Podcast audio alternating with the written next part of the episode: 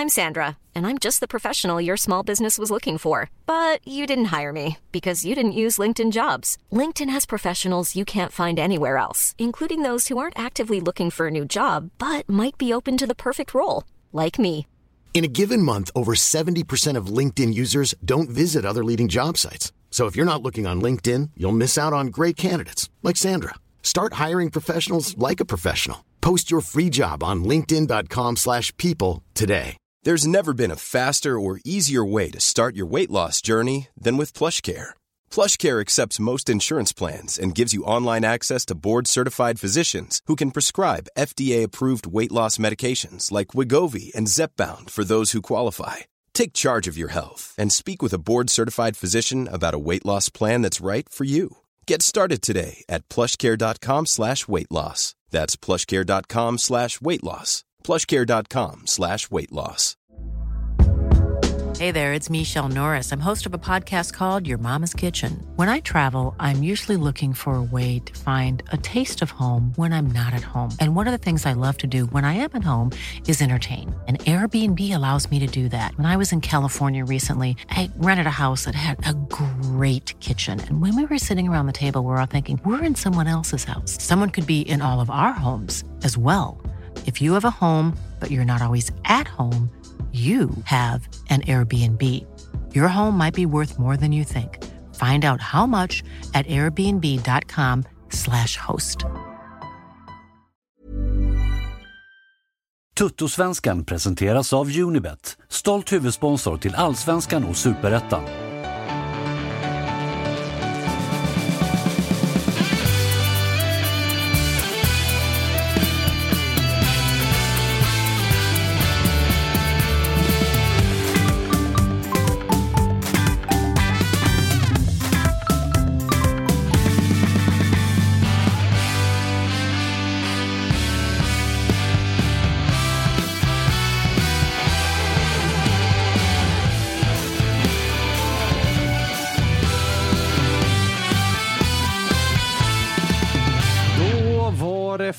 Fredag och eh, roligare fredagar har i alla fall jag haft i den här studion. Eh, Kalle, du Mm. mår prima. Jajamensan. Jajamensan. Det gör inte jag. Nej, jag, jag förstår det. Och inte heller August. Nej. Nej. Det som skulle bli så kul. Det som var ett sånt, alltså det skulle ju bli en överkörning. Ja, ja. Och det här gänget har inte spelat fotboll på eh, tio månader eller vad det är. Nej. Sex i alla fall. Vart inte så kul. Nej, och jag ska åka iväg här och ha lite, någon form av lite minisemester och, och sådär. Tänkte att man börjar liksom torsdagskvällen med, med städa av Poltava och, och sådär. Och sen åker man iväg till, till västkusten och kanske träffar Jocke och njuter av livet och sådär. Det, Kan ni sitta där och deppa ihop? ja, ja, det är ju sant. Har Man vill deppa med Jocke. Ja. Eh, gladare är det hos eh, Tobbe Sköldborg som gör eh, debut i eh, Toto-svenskan. För jävlar vilken fest det var nere i buren igår. Ja, det, de verkar ha det eh, jävligt kul där nere. Eh, det, såg, eh, det såg kul ut, men det, har varit, det var jäkligt stökigt och mycket... Man blev omkringskjutsad som boskap. Och det, var- det var ja, riktigt, alltså eh, vi som följer en del såna här ultraskonton har ju noterat att det, det ver- verkar ha varit ett par härliga timmar. Det var inte, det var inte liksom händelsefattigt nere i nej, Kroatien. Det, det var det nog inte. Var, eh, ja, det var ju stökigt på läktaren. De kastade grejer på Azor och grejer, såg jag någon film på idag. Ja, jag såg att han, det kom ut någon att han gick och garvade lite åt deras supportrar och de svarade med att kasta grejer och sådär. Men eh, det, var, det, vart ju, det vart ju en jävla match som jag förstått det. Jag såg den ju av förklarliga skäl inte. Jag var inte jättesugen på fotboll efter Nej, det- att de det- blåste jag- av på Tele2. rimligt ändå tycker jag. Mm. Eh, eh, jag eh, såg ju matchen givetvis då, och eh, jag tyckte att sen när deras 1-0 mål kom så blev det så här, fan. För, ja, nu, nu kommer väl det här gå åt helvete då. För jag tyckte det kändes ganska bra innan. Så här. Rätt bra spel, hade mycket boll. Eh, så kommer något eh, motlägg där med Hjalmar och så studsar den på Mange Eriksson fram till deras eh, striker som gör det skitbra. Mm. Eh, och sen eh, eh, så bara, ja, men det är väl bara fortsätta spela. Och det var väl precis vad de gjorde. De bara, "Nej, nu kör vi. Så tycker de spelar rätt bra. Får in en boll innan paus och sen så eh, när de kontrar in eh, 2-1. Det är ju alltså Ja, det är ett klassmål. klassmål. Det är one touch på alltihopa tror jag. Framförallt som, får- nästan, som får den eh, fram till Asoro som släpper den på en och så Edvardsen Ja, men. Azoros lilla synålspassning, Ja. den Mm. är inte dålig alltså. Nej, den är inte, de, nej, Djurgården är bra just nu. Mm. Det känns eh, rätt Ni är bra. inte bättre än så här just nu Ah, som fy. den gode Ville Bäckström brukar Ja, men man, man, eh, det, det är ju den värsta tweeten man Man gillar ju Ville Bäckström, Ja. man spyr när han skriver sådär, för då vet man att Djurgården är så jävla bra just nu. De mår så Ja. bra. Jag tror ju att jag kan ha skrivit det någon Ja, gång. du har säkert Ja, också du, ni har hakat på den där. Eh, men, men som jag förstått det så var det, alltså sett över 90 minuter, inte på något sätt orättvist att Nej, det var jag Djurgården som var, Djurgården var jävligt bra i den här matchen. Hade du förväntat dig att de skulle vara... Det är ändå ett kroatiskt topplag. Alltså den kroatiska ligan har In- bra innan, lag. Innan matchen så sa jag att eh, nej, vi kommer torska den här, säkert typ 1-0 eller 2-1. Och så, och så vänder vi på det hemma. Eh, det, det var tanken innan, så det här är ju nu, nu är ju jätteläge till att gå till nästa runda som ska vara enklare också. Så det, Ja, för att jag menar, eh, som djurgårdare kan jag också tänka mig där man ju har den stora fördelen. Det har vi ju sett ett norskt lag som vi pratade om här för något avsnitt sen som Malmö eventuellt ska få möta i Champions League-kvalet. Att, att de har dragit väldigt stor nytta av sitt plastgräs. Mm. Ni har ju blivit ett lag som är jävligt bra på ert plastgräs. Alltså, Ja, ni gör mycket mål på. Mm. hemmaplan. Det har tagit lite tid, men ni har verkligen blivit ett tydligt så här, på hemmaplan spelar vi en fotboll som passar underlaget väldigt bra. Spelartyperna trivs på det.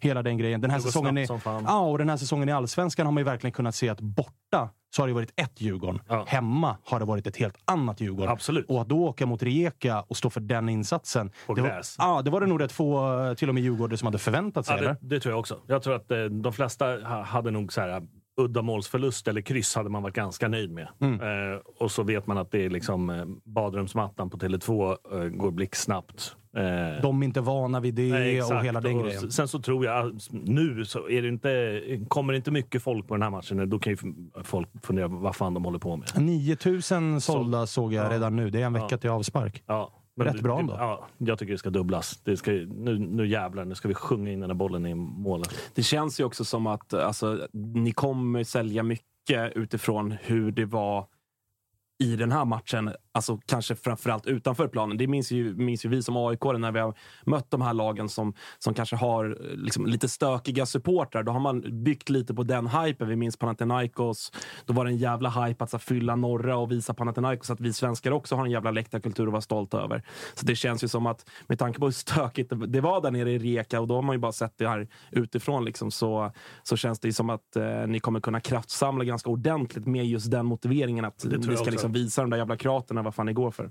Ja, det, nej, det, är bara, det är bara att hoppas. Det ska bli en eh, jävla fest på torsdag. Vilka spelare stack eh, ut i positiv bemärkelse då, förutom eh, de givna? Alltså Edvardsen gör ju ett plus ett. Och har, vi ska komma tillbaka till Edvardsen, men, men kör. Asoro eh, tycker jag väl gör det bra. Eh, Hien och Ekdal är grymma där inne. Ekdal, man kan inte säga att det är en miss där när de gör sitt 1-0, för det är en boll som studsar typ på motspelare, på Mange, fram till motspelare. Eh, och Svårt att försvara sig mot. Eh, Hien gör ju bara, han går ju från klarhet till klarhet. Jag vet inte vad som... Han käkar steroider. Ja, alltså, det, känslan det- är ju att... Alltså, det är han- helt sjukt. Han var, ingen visste vem det var, typ. Nej, men man Så- brukar ju kalla så stora talanger som gör grejer. Alltså man ser ju på deras Instagram-kommentarer att deras polare är så fusk. Men Isak, Mm. han känns ju just nu som en fuskspelare. Ja. Det går ju inte att runda. Man har gjort så här höger, vänster, höger, vänster, start. Ja, select, exakt. B, Man har- och så blir spelaren skitbra. Football Manager, manager Editor har man varit inne i och så här boostat. Så här, snabbhet 20, acceleration 20. Nej, men det är positionsspel, allting. Det är, Men det är det så- som, ja, vi snackade om det innan. Det är det som är anmärkningsvärt. Det är en sak att så här, alla ser ju på Hien att han har fysiska attribut som är någonting utöver det vanliga. Både liksom styrka och snabbhet. Men det som sticker ut är ju, och det som är sällsynt, är ju att du har en, fys en fysik som är liksom toppklass, men också en fot och ett positionsspel kanske framför allt, som också är toppklass. Mm. För det kanske inte riktigt var det i början. Han gjorde någon svajig match under kuppen tror jag. Och sådär. Även så här inledningen i Ja, Allsvenskan. det Han li- ja, exakt. Han Innan hade lite uppehållet så hade han ju ett par matcher där han var toppklass. Och ett par, alltså prestationerna var inte så... Det var ingen kontinuitet i dem. Vi minns Helsingborg hemma. Där var det, ju- det var ju på läktaren ett par gånger, köpte korv och Ja. det var så här, vad fan händer här? Och, Då var jag å andra sidan alla dåliga. Typ. Ja men, ja, men exakt. exakt. Men nu är det ju en kontinuitet i topprestationer. Match ut, match in. I hela truppen tycker jag också. Mm. Det, är så att det spelar ingen roll vilka de sätter in. Eh, Som, ja, nu, det är väl ganska lätt att gå in och spela när det står 3-4-0 mot eh, Värnamo. Men Så i den matchen, så, så här, vem de än släpp, slängde in, så bara in och gör superprestationer och, på de minuterna de är inne. Och det säger faktiskt någonting. Jag såg någon djurgårdare som twittrade det. Eh, så, jag vet inte om det var utifrån gårdagens match, eller jag tror att det var mer var liksom en så här generell liksom bedömning. att så här, Vår sämsta start, startspelare just nu är typ Pierre Bengtsson. Mm. Och det är en snubbe som var i landslaget för tre månader sedan. alltså så här, han, är, han är typ sämst i Djurgården, inte för att han är dålig, utan om man måste hitta någon. Och det Ja, det- säger ganska mycket om ändå kvaliteten på truppen. Ja, det, ja, det känns jävligt bra för Djurgårdare just nu. Alltså, det är en leende på läpparna. Och jag och August sitter och, och skakar på huvudet. Men du, Viktor Edvardsen står väl för både assist till eh, kvitteringen va? och eh, gör ett mål själv. Jag måste fråga, vem är det egentligen som har kallat honom flopp? För jag har aldrig sett det förutom från Djurgårdshåll. Nej, men det har ju väl varit lite så, här, eh, så kallade experter som har så här, ja, det, det krävs mer av Edvardsen. Och det har varit ganska många. Eh, Är inte det mycket han själv också? Han har ju pratat lite om det när han har varit med här också. Att sådär, Han har ju varit missnöjd. Ja, men att han förväntar sig mer av sig själv. Han vill väl göra tio redan. Liksom. Ja. Så, Ja. Men, eh, ja, men det, det, har väl, det har väl varit något så här surr om att det har inte varit tillräckligt bra än. Och så här, han kan inte göra mål mot storlagen och så här, jada, jada, jada. Nu spelade han...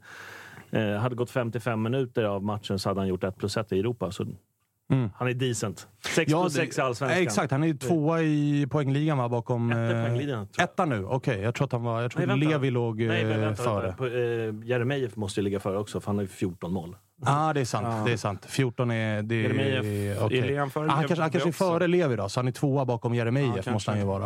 Eh, men han är ju där uppe. Men sen så här, det, det jag tror att eh, mycket av snacket har varit eh, kring är ju... Alltså det blir ju ofta det när man i de stora matcherna har svansföringen att jag ska vara the main guy men inte är det. Så, såklart. Eh, och, där, och där finns det ju... Det, det jag tror att... Han, här, han bröstar ju den efter också. så, och det Lägger gör upp en han. bild på Fattig Bond när han spelar Fattig Ja, Bond. exakt. Det är ju roligt. Nu, nu körde han någon om... eh, Nu körde han ju Testa Stör och vi spekulerade ju lite om det innan. Undrar om han vet att det är en AIK-podd som grundar sig i ett AIK-tryck.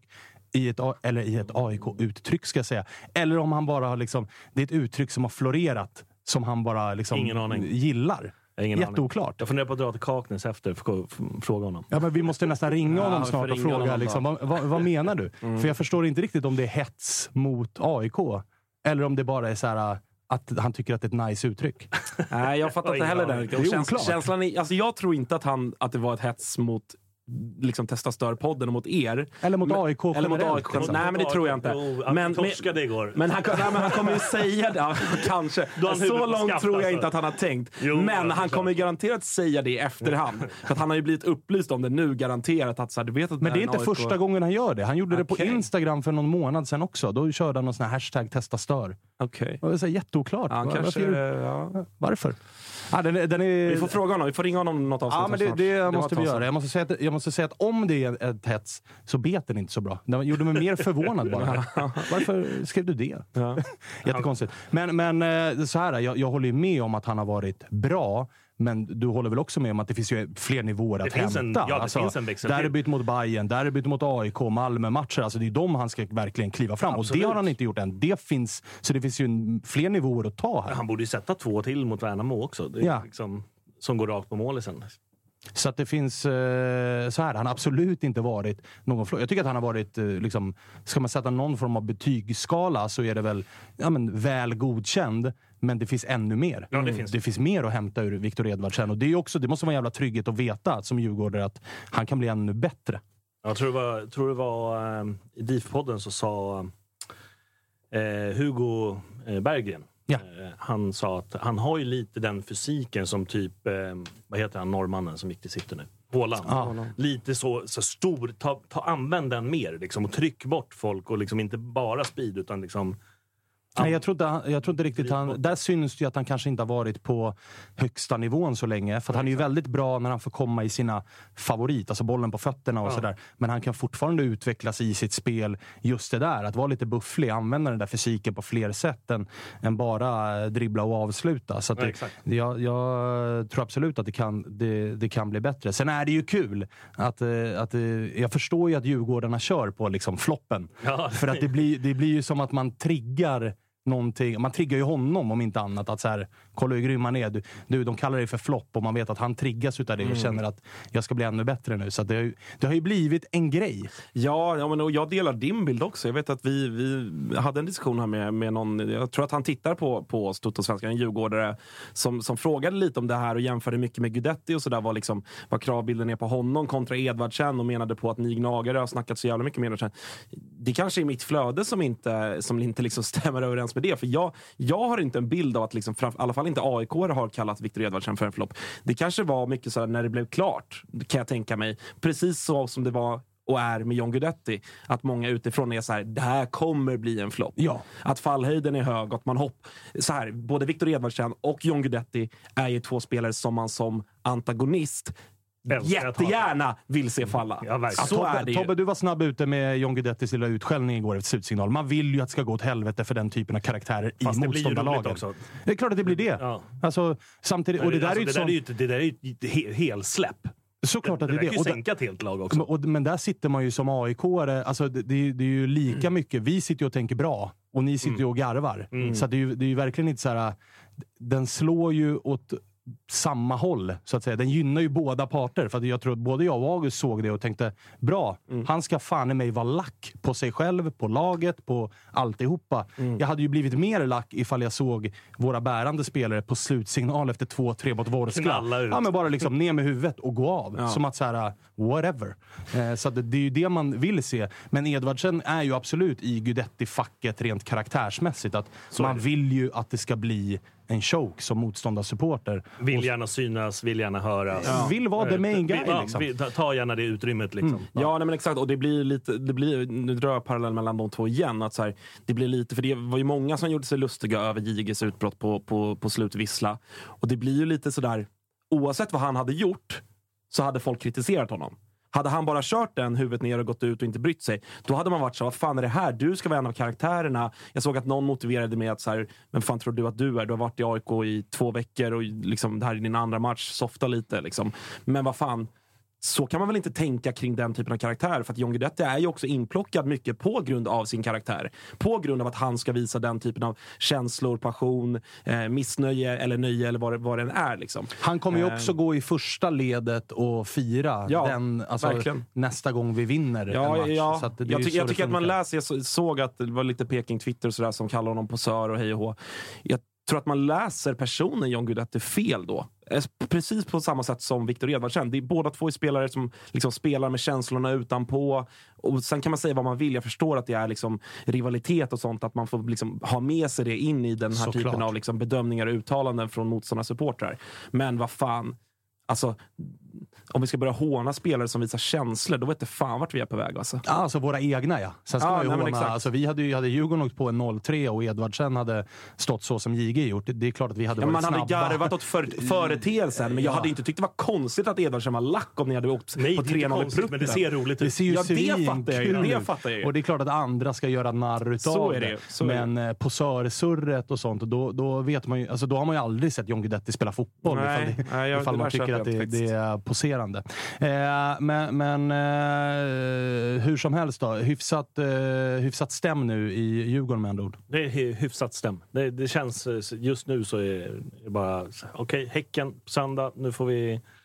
Ja, det blir ju en jävligt svår bortamatch, men eh, blir... Eh, eh äh, det känns som att ingenting är omöjligt just nu. Det är, så här, från de här hundåren man har gått igenom, som, eh, som vi alla har gått igenom som kollar på fotboll, med vidriga resultat och mellanmjölksår, liksom, så eh, känns det bara så här... mm, Mär, märkligt, eh, märkligt bra hela tiden. Ah, fy fan. Eh, jag saknar de dagarna. Eh, för i AIK August så är det ju raka motsatsen ifall vi ska gå till den här Vorskla Poltava-matchen som spelades. Det var, om man ska dra hårdra det, så var det väl någon form av generell underskattning som genomsyrade hela AIK som klubb inför den här matchen. Ja, verkligen. Alltså, jag, jag, jag delar den bilden av att eh, alltså, det varit lite sådär snack om att ja, det var lite folk och att, att det liksom verkligen var hela klubben. Det köper jag väl kanske inte. Med det sagt så Alltså att det är en underskattning, det råder det inget tvivel om. Alltså, det känns som att känslan är ju att hela, framförallt laget gick in med någonstans känslan av den artikel som kom ut efter lottningen. Att de har typ 11 spelare och inte spelat matchen liksom, eh, förra kriget i Poltava mellan Sverige och Sovjet. Liksom. Ja, men så här, det var ju den känslan man hade att spelarna gick in med. att De hade ingen koll. Eh, Jag vet att Bartos har pratat om att de var nere och scoutade dem på Mm. någon av deras... De har väl spelat tre träningsmatcher här tror jag nu senaste veckorna. Att AIK var på plats på någon av dem. Eh, Men jag tycker med facit i hand så var det också uppenbart att det, det har varit svårscoutat. Eh, för annars förstår jag inte att man går ut så som man gör. Eh, så att underskattning, absolut. Eh, att vi återigen klappar ihop bakåt på det sättet, släpper in tre mål mot det här typen av motstånd. Det är inte första gången den här säsongen. Det är jävligt oroande. Eh, så att, äh, usel insats. Alltså fruktansvärt dålig insats. Trots att så här, de var ju kanske ändå bättre än vad man trodde. Så. Men det är ett lag som, det har ju florerat lite nu på Twitter och sådär, att de rök mot något finskt jävla brödgäng förra året. Coops. Coops rök de mot förra året. Coops. Coops. Ja, så, så att ni, ni hör ju Coops. De, de heter ju så. Jag vet. Coops. Coops. Coops Koipio eller något sånt. Coops. Coops. Coops. ja, ja. Nej, så det, fin- så här, det, finns ju, det finns ju inga som helst ursäkter. Eh, trots Men sen att, var det ju sjukt också alltså att de hade eh, med nummer 10 på ryggen, Leo Messi, på plan. att de Eh, som hade plockat in Messi ja, på kort Han var ju där eh, första halvlek. Så gjorde, de hade ju en spelare med nummer 10 på ryggen som gjorde vad han ville. Ja. Eh, han var ju i Örebro här under våren. Spelade superettan. Hade lite svårt att ta en tröja där. Ja. Men eh, gjorde vad han ville Ja. mot AIK. Här. Ja, men så det är ju så. Det är, liksom, det är den frågan man får ställa sig. För att, så här, som sagt, det, känslan var att oj, de här är inte så dåliga. Men när man kollar på allt det som du säger, man, man undrar vem fan är den där tian som springer och liksom, kör åttor runt oss? Och så kollar man upp, det är den här jävla till. Och inte den bästa. Nej, utan, utan lillebrorsan. Ja, som var alltså i Örebro.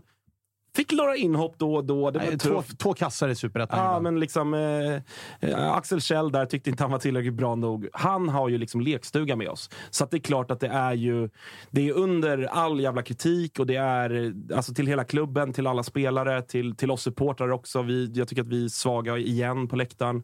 Eh, så att jag är så jävla uselt så att det finns inte. Eh, sen så är det ju bara halvtid liksom. Så vi har ju alla möjligheter att vända om man tycker att vi ska göra det. Men det som tar emot är ju att det hade varit en sak om vi hade varit nere i, säg Polen som det var snack om från början och gjort det här resultatet. Då hade man ändå känt att hej, vi åker ändå ner till Polen, vi möter ett lag som är helt omöjliga att scouta. Som ändå i grunden är ett topplag i Ja, den ukrainska exakt, ligan. Det exakt. ska man heller inte fan Nej. glömma på något sätt. Nej. Det är en liga som ofta har lag som är kontinuerligt i Champions League och Europa League. Så det är ju liksom inget på pappret på förhand ett dassgäng. Sen är ju förutsättningarna oerhört fördelaktiga Ja. för AIK, vilket gör att förväntningarna blir vad de blir. Ja, men och att vi, så här, bortamatchen är inte i Polen, eller ja, i Ukraina hade ju varit, men Polen då till exempel. Det är på fucking jävla Tele2 som vi ändå spelar på. Det tre- brukar vara bra. Ja, det dessutom brukar vara bra. Det är det, det där jävla pisskonstgräset som de såklart inte har en jävla aning om hur de ska hantera.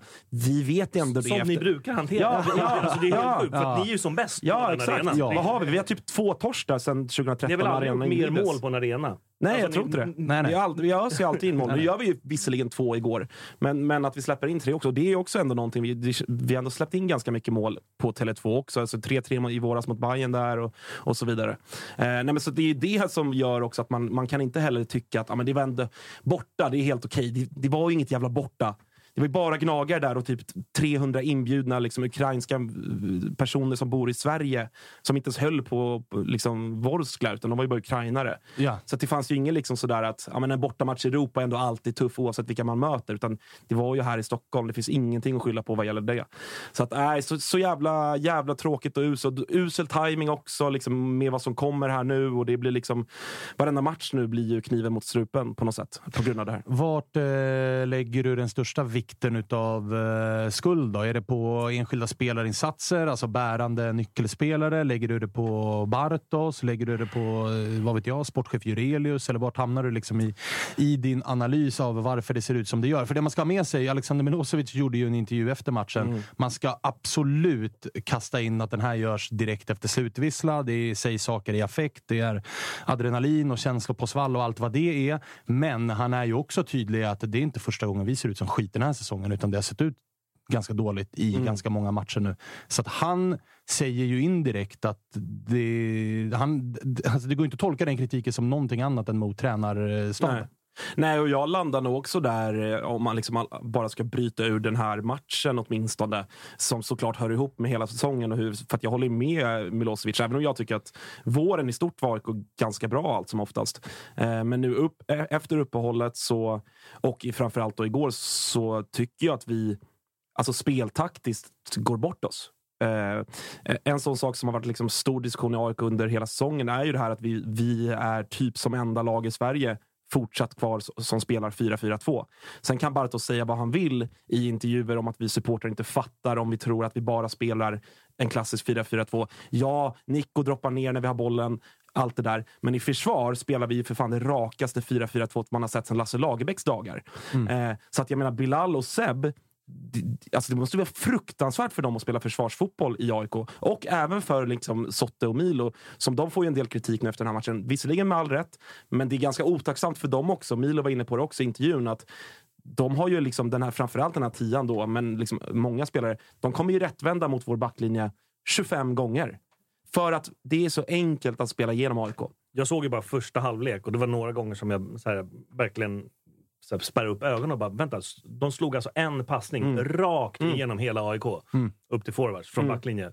Alltså så här, rakt igenom hela laget. Bara, så Och det är ingen, fortsatte. så, ja, så, så där är det ingen som har spelat mot AIK. Och det var, ganska, det var ganska lätt för dem. För det de Ja. gjorde var att så här, deras två yttermittfältare gled in i banan. Mm. I fickorna liksom. I, i, liksom, exakt, och så hade de redan så de var till fyra gubbar där inne. Mm. Och våra yttrar står kvar. Ja, då kunde deras mittbackar bara stå och välja. Så Okej, ni AIK ni har två gubbar där inne. Vi har fyra. Ja. och det är rätt enkelt att lista ut då Ja. att två, två av dem kommer vara spelbara. Så ja, men det- exakt, och det är just därför jag, jag lägger min största kritik, tror jag, mot Bartos för den här matchen. Att, för att så var det ju från minut ett och till slutvissla. Så att, att man inte går in och korrigerar det på, på något sätt, det förvånade mig enormt. Eh, jag så alla såg väl det, inklusive han hoppas jag. Att man inte då på något sätt går in och, och ändrar det och vad vet jag, liksom byter in Jesper Ceesay eller, eller Ajari eller någon eh, ytterligare en in, eh, innermittfältare han kan gå ner och sätta sig i den ytan. För det var där de spelade igenom oss varje gång. Det är där liksom, egentligen typ alla mål förutom det, liksom, sista drömmålet, som det är ju vad det är. Herregud, vilket Ah, vilket jävla det är, mål det är. Och så här, det är ju vad det Och är. den är ju bara, den är ju den är också så jävla sjuk för att jag tycker att AIK kommer ut till andra halvlek, börjar bra. Ja. Man känner att okej, de har sagt någonting. Man har också med sig att det här laget har inte spelat tävlingsmatcher sedan i december. De borde kommer nog storkna. De börjar storkna lite grann. AIK börjar mala ner dem lite grann. Långa anfall, hörner, kantfrisparkar. Och så kommer de upp i ett anfall, skjutsar upp den där bollen Ja. i krysset. Helt jävla otagbart. Det är bara lyfta på hatten. Jag hade en bänkgranne till mig som bara, vart är pressen? Jag bara, men alltså därifrån, Där går inte att ha därifrån får man Sju. skjuta. Det var exakt samma position som eh, Banda sköt mot eh, Värnamo. Ja, men ex- ja. Det var lite sämre skott från Banda, men det, var, det är ingen som är där. Nej, men det, där är det ju också så här, där får du Skjuter ha du där får boll. Skjut om du vill, för det är en på tusen att du gör det där. Men det målet märkte man ju så tydligt också att så här, oj, där steg deras eh, kondition med 20 procent igen. Mm. För nu kände de att wow, nu kommer vi orka. Samtidigt som AIK återigen blev så här, okej, nu ska vi... Och det orkade man ju inte. Och det är där Johns frustration efter matchen grundar sig. För Mm. han är ju inne på i sin intervju att så här, få inte en boll. Kommer Nej. inte in en boll. Det, och han har ju helt rätt. Det kommer ju inte in en boll. Nej. Nej, och det är ju det blir liksom, vi återupprepar ju oss, men det är ju, vi har ju fortsatt sådana enorma problem i ytterzon. Liksom. Eh, det är ju så. Och då ska man ändå säga att... Måste när, man spela Saka El Bouzidi så... Alltså nu hade han tydligen enligt dig två, två inlägg som gick till rätt person. Ja. Det, alltså, ja, det är Nästan dåligt. rätt person. De var kvar i straffområdet. Ja. Det är, alltså, det är så dåligt så att jag, jag förstår inte. Ni måste ju ha någon som är bättre. Det måste ju sitta någon på bänken som bara Hur kan den här liraren få spela? Ja, är det och möjligt?" uppenbarligen så är väl det Erik Ring. För att han hoppade in med tre minuter kvar och gjorde ju mer av de tre minuterna än vad Zach El har gjort den här säsongen. Eh, och där blev, d- bara de minuterna gjorde ju att man blev så här, vänta. Varför har inte, Mm. varför har inte du fått chansen? Så jag Ja, men sen så får Erik Ring- bashar egna spelare så här, och jada jada egentligen. Men så här, ibland så måste man bara tydligt säga det här funkar inte. Nej. Det är liksom så här, man be- behöver inte gå och föra något jävla drev som det har varit. Liksom. Det var någon spelare i Djurgården nu som hade ett jävla drev efter derbyt mot er och så här mot sig. Eh, förkastligt, men man måste ju kunna få sitta och säga det här Jo, men skillnaden- är inte bra. skillnaden man där, inte skicka sms till dem. för den du menar där är väl Wikheim som Ja, hade det precis. tufft. Skillnaden i Djurgården och i andra lag upplever man att har man en dålig match och kanske följer upp det med en till dålig match, ja, men då blir det nog bänken. Mm. Medan Säkel Boseidi i AIK gör ju blek prestation på blek prestation på blek prestation. Är offensiv ytter, har gjort noll mål och noll assist. Men det är startelva varje vecka. Ja, Och det är ju det man blir så här. Det handlar ju egentligen inte om att så här, man ska, man ska basha honom, att så här, du är sämst. Utan det handlar ju snarare om att så här, hur kan du få Träna. fortsätta spela här? Vi måste väl hitta på någonting annat då om det inte funkar. Ja. Ja, men och där är ju precis alternativet är ju Erik Ring och det, jag är liksom inte Erik Rings eh, lojala försvarare på något sätt. Eh, men då ska man ändå så här. Förra hösten när han ändå fick ett par starter efter varann. Han har några matcher där han faktiskt är riktigt, riktigt bra. Och det som man ändå kan, kan argumentera för är ju att dels det är en egen spelare. Han är ung. Han har ändå liksom en... Alltså Säk är ju, vad är Säk, 24 tror jag. Eh, men Erik Ring är väl 21 och har ju liksom såklart en större utvecklingspotential än vad Säk El Bouzidi har. Eh, och det har ju Bartos sagt själv i flertalet liksom tillfällen att om det är två spelare som är som jag bedömer som likvärdiga, då kommer jag alltid spela den yngre. Det är också en del av AIKs, den här, visionsplanen man har tagit fram, att vi ska vara en säljande klubb, vi ska fostra egna spelare, vi ska prioritera egna spelare. Och det hade varit en sak om Zack är liksom, han är, han är ändå bra ibland. Alltså, återigen, jag delar din bild Tommy. Jag gillar liksom inte att kasta enormt mycket skit när det blir så mycket på en och samma spelare. Men det är ju faktiskt så att han är en... Han håller ju inte en allsvensk nivå. Nej. Utan det är en spelare som... Han kan spela i superettan. Fine. Han kan inte spela allsvenskan. Än mindre ett lag som aspirerar på att vinna guld. att Nej, det är inte hans fel. Han gör sitt bästa och jag, han verkar vara en toppenkille och allt det där. Men nu är det i liksom... Ja, vad har spelat? 14 matcher sen i Europa. Och han har mer eller mindre varit sämst på plan varje match. Alltså det funkar inte längre. Så då får man väl ge Erik Ring chansen. Jag tror inte att Erik Ring är bra nog heller. Men jag har svårt att se att det ska bli sämre. Och då har vi ändå en Erik Ring som är ung, som, vi liksom, ja, men som är vår egna spelare. Vi kanske kan sälja honom, vi kanske kan liksom, eller förlänga med honom om han ändå får den utvecklingen. För att han gjorde några bra matcher i höstas. Så det är ju märkligt. Ehm, Och samma på andra kanten, där ju Acke Björnström återigen startade. Det händer inte jättemycket och så kommer Amar in och det händer jättemycket. Ja. Där, satt, där satt man ju också vid sidan och bara och varför startar inte du den här matchen? För att Ja. du, du gör ju grejer. Där får man väl anta att det är en form av fysisk grej. Att han har varit sjuk och han har varit liksom småskadad till och från och, och allt sånt där. Men för att han är ju... Jag såg att någon hade klippt ihop hans liksom highlights från matchen. Jag vet inte hur mycket han fick. Fick han 30? Han kom in samtidigt som John, så dryga 30. Ja. Eh, alltså det, det, det är otroliga aktioner han har faktiskt. Ja. Alltså varje gång han får bollen. Han lyckas med varje aktion. Eh, så att han, han är jättebra igår. Eh, och, så, och han hoppas med och det tror jag också. Jag skrev det med någon, någon gnagare att så här, jag tror att Bartos skulle vilja spela någon 90 varje match. Men det som oroar kring Amar är ju att hans kropp verkar inte tillåta det. Han har redan haft ett par små skavanker och varit borta och det har blivit liksom för hackigt i hans utveckling och i hans prestationer på grund av kroppen.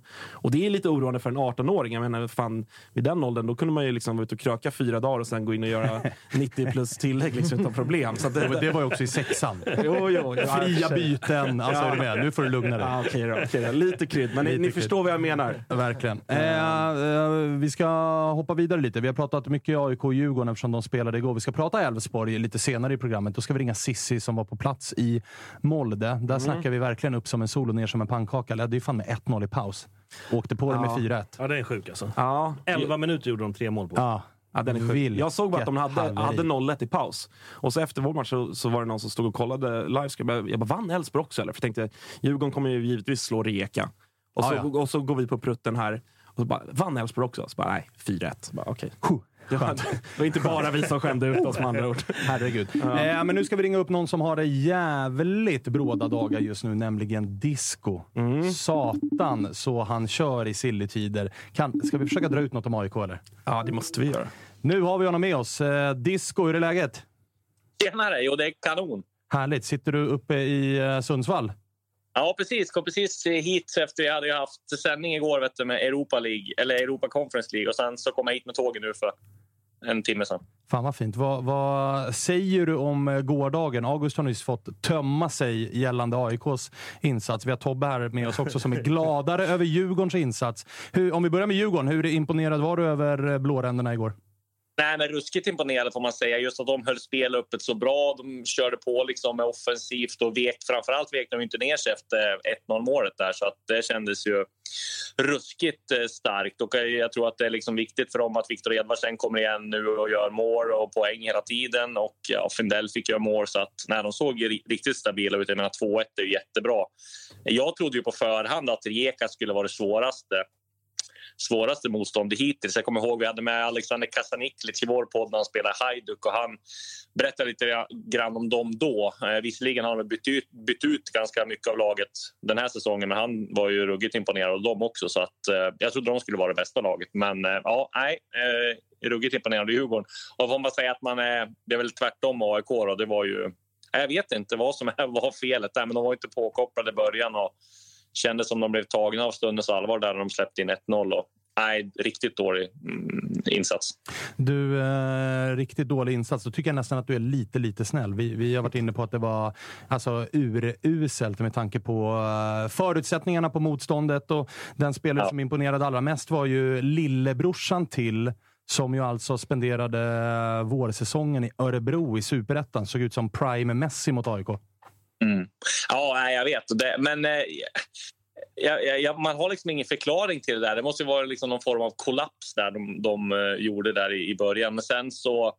Jag vet inte om de är lite tagna där av stundens allvar. De har inte haft så stora framgångar i Europa, haft jättesvårt att åka ut och sen när det väl gäller så, så åker de ut, eller åker de ut, nu är de inte ute än, men åker på en sån där.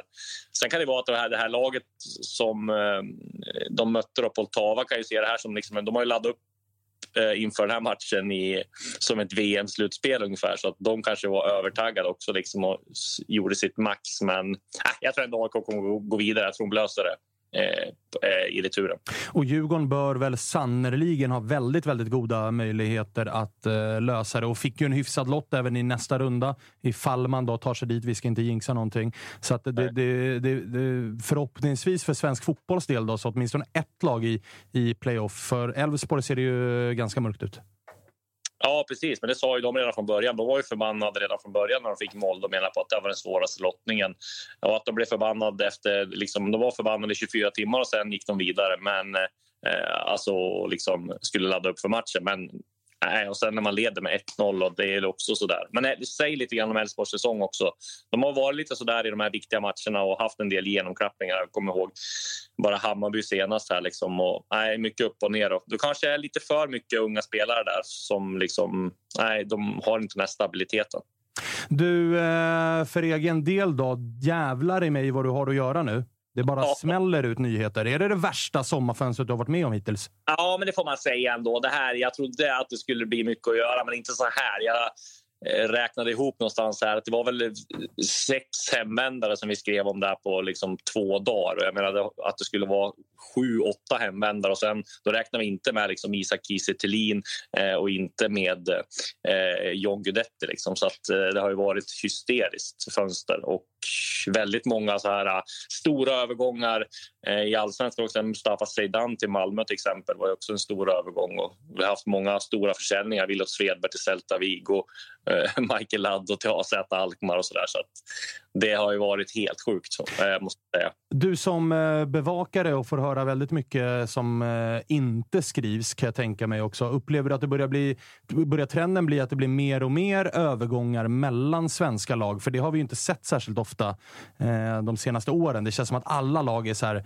antingen stannar du hos oss, eller så går du som ja. bossman, eller så säljer vi dig utomlands. Men vi säljer dig inte till ett annat allsvenskt lag. Men det känns som att det kanske börjar öppna sig lite mer. Ja, men jag upplever att det öppnar sig lite mer mellan klubbar som inte konkurrerar så mycket med varandra. Men det är fortfarande prestigen mellan att de här stora toppklubbarna inte säljer till varandra. Eh, till exempel, vad jag hörde så ville Malmö värva Simon Olsson tidigare, men det var liksom blankt nej. Eh, Elfsborg skulle aldrig tänka sig att sälja honom till, eh, till, till Malmö. De var intresserade av honom. Och det var liksom, men sen vet jag att de här var intresserade av att gå dit heller. Men jag, menar, jag tror att det är liksom, den där prestigen finns fortfarande kvar. och Jag tror att det är svårt att göra någonting åt den så länge, eh, så länge liksom det är så som det är att topplagen. Så att, den tror jag inte. Men däremot att andra svenska klubbar som Sirius, som Mjällby och så där. Eh, ja, i viss mån även Häcken då, om man får man räkna in när Martin Olsson gick där. Men det känns som att det är mer om de här, om man ska gå mellan topplagen, så är det mer att spelarna, typ som Martin Olsson, att de får vara väldigt tydliga med att inte bråka sig bort, men vara väldigt tydlig med att de vill till, vill till Malmö. Då. Så att, och då får Malmö, fick Malmö betala jäkligt mycket också för, för Olsson här tidigare. Så att, nej, men, eh, känslan är väl att det är lika liksom, stelt eller lika, lika situation mellan toppklubbarna, att de inte vill sälja till varandra, men att det börjar liksom luckras upp med de här mindre klubbarna. Men att då får ju eh, toppklubbarna betala mer. Och det har ju blivit så också, just att, att Hammarby har fått så mycket pengar och att Malmö har fått så mycket pengar och att båda lagen ska bygga om eh, på något vis. Jag menar Malmö behöver ju genomgå något typ form av generationsskifte med tanke på hur truppen har sett ut. Hammarby behöver satsa för att de behöver eh, gå för SM-guldet och att de faktiskt inte har gjort någon sån här jättestor eh, liksom, eh, eh, eh, jättestor affär, alltså köpt spelare. Så, eh, de har värvat som Bosman, Travalli och sådär men nu gör de en jättestor investering i Berisha till exempel. Eh, men det behöver de väl göra också för de har ju sålt för, för så mycket pengar. Men just att de två lagen eh, har, har så mycket pengar och att de måste bygga om har gjort att det har blivit en jäkla ruljans och eh, det liksom ger ringa på vattnet lite överallt. Du, en spelare som det har snackats jävligt mycket om och eh, just i kategorin då, eh, värvning mellan svenska klubbar var ju Alexander Jeremejeff. Där väl det har rapporterats att både Malmö och Bayern har försökt. Nu kom väl Häcken officiellt ut med att Alexander Jeremejeff ska ingenstans, varken utomlands eller till annan svensk klubb, utan han väljer att stanna i Häcken resten av säsongen. Ja, jag är lite som GV där. att Jag tror Elia, man ska ju hata slumpen. Och är det en slump att han går ut och säger det samtidigt som eh, Veton Berisha i princip är klar för Hammarby? Kan det vara så att Hammarby hade han som eh, liksom, eh, med på kartan där också men valde Berisha och sen så nu ser han att Berisha eh, går till Hammarby, då, då stannar han i, i Häcken. Jag vet inte om det är så, men det kan vara så. Eh, om, man, om man hatar slumpen så kan man tro det på det viset. Sen tycker jag också att jag menar Jeremejeff varför skulle han gå till Hammarby? Alltså, eh, det, eh, det finns väl... Liksom, eh, dels supportrarna finns det ju, man kan spela framför. Eh, liksom, det fattar jag också, att man vill spela för, framför eh, eh, 30 000 på läktaren och liksom Hammarby support och sådär. Just den grejen. Men just det här känslan med att han ska ha chans att vinna SM-guld. Då känns det som att Häcken ligger lite grann i förarsätet där eh, med tanke på att de har fått in Simon Gustafsson och att han stannar, att han är i så bra form. Så ska han vinna SM-guld så har han väl ungefär lika stor chans och, och, och, och eller större chans i Häcken skulle jag säga som det är nu. Eh, så att, eh, men just det där, jag, tror, jag vet att Hammarby var på där och sen så kanske de valde Berisha då före med tanke på hur det kom ut eh, så där just slumpmässigt att man säger det nu. Men ja, nej, bra för Häcken att han stannar. Ja, och då känns det också som att typ alla topplag har presenterat. Nu är ju väl inte vet om Berisha officiellt presenterad ännu, men det blir väl när som helst. Men alla topplag har väl nu presenterat mer eller mindre en stor bomb. Då Djurgården plockar hem Danielsson, Malmö plockar Buya Turay, Häcken behåller håller Jeremejeff. Eh, tror du att vi kommer få se fler stora övergångar innan fönstret stänger? Det är väl, eh, det är väl det är typ tre veckor kvar, så det finns ju tid att jobba ja. på. Nu tror jag att det kommer lugna ner sig, men jag tror att Norrköping kommer ju värva något stort till. Eh, det tror jag absolut. Tränare kanske? Tränare kan de börja med. Vad sa du? Tränare kan de börja med. Ja, precis. Ja, precis. Men där ska det, inte vara, det ska inte vara tränarstyrt där länge nu. Så att de kan, det ska vara klubbstyrt. Så att de kan ju värva spelare så får tränarna anpassa sig. Vilket jag tycker är, vilket jag tycker är bra. Men sen så... Nej men AIK vill ju ha in en ytter. Det vet jag att de kollar på. De har kollat på rätt många spelare och kollat brett. Sådär. De, de måste ju sälja först. Och det kan kanske vara någon försäljning på gång där i AIK de närmsta veckorna tror jag. Men eh, vi får se om det blir mer konkret. Men jag vet att det finns en del intresse för, för vissa Eh, spelare där. Eh, så får vi se. Då. Men att det ska bli någon lika stor bomb som Buya Turay till Malmö eller liksom att så det... Nej, jag tror väl att det har lugnat ner sig. Men däremot kan det bli försäljningar fortfarande. Det ska man ju komma ihåg. Eh, internationella transferfönster stänger 1 september och det är många svenska spelare som är eh, attraktiva för utländska klubbar. Så att där tror jag att klubbarna vill nå in sina värvningar ganska fort. Det är därför jag fått se ganska många eh, stora värvningar nu då, för de vill ha, ha in det till, till Europa League-kvalen och slut, eller liksom, Eh, så, mycket, så långt som möjligt i, i guldracet. Eh, men däremot så har de ingen brådska. Liksom, eh, försäljningar kan de göra ända till första september. Känns lite märkligt då att Alexander Jeremejeff går ut och så tydligt och via Häckens officiella hemsida helt och hållet tar bort sig själv ifrån transfermarknaden när det är ett europeiskt fönster som, som stänger om fan mer än en månad. Jag menar, det kan väl, han bör väl finnas på ett par klubbars shortlist över potentiella anfallsvärvningar. Ja, jobbigt nu om, eh, om någon Kina-klubb kommer. Nej, vi säger, Kina-marknaden är död, men vad ska vi ta då? Jobbigt om någon toppklubb kommer nu och liksom eh, i typ eh, Feyenoord tar vi bara och vi erbjuder honom ett drömkontrakt. Vad gör han då? då? Nej, men han kanske vill ha insett att att han, alltså det är klart att han är attraktiv och så där, men han har samtidigt en ålder där han är... Eller 27. Ja. Typ. Och även fast han har öst in mål i nu händer något här.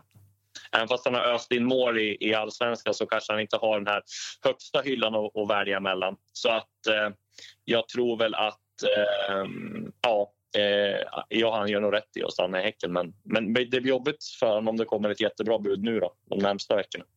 Disco, jag måste fråga lite som aik vad eh, Fråga nummer ett. Om AIK säljer, vem tror du är liksom eh, först på tur ut? Och eh, har du några konkreta namn som du vet AIK har hört sig för eller bara är intresserat av? Eh, nej, men jag... Jag vet, det är väl någon av de här... Alltså de har ju varit med ett... Eh, trippel A har ju varit där liksom på radarn alltså Inter, vet jag ju. Eh, och det är väl någon sån eh, försäljning som, som eh, är närmast, tror jag i alla fall. Eh, även om det finns liksom intresse för Bilal Hussein. Jag har inte hört att det är något konkret där ännu. Liksom.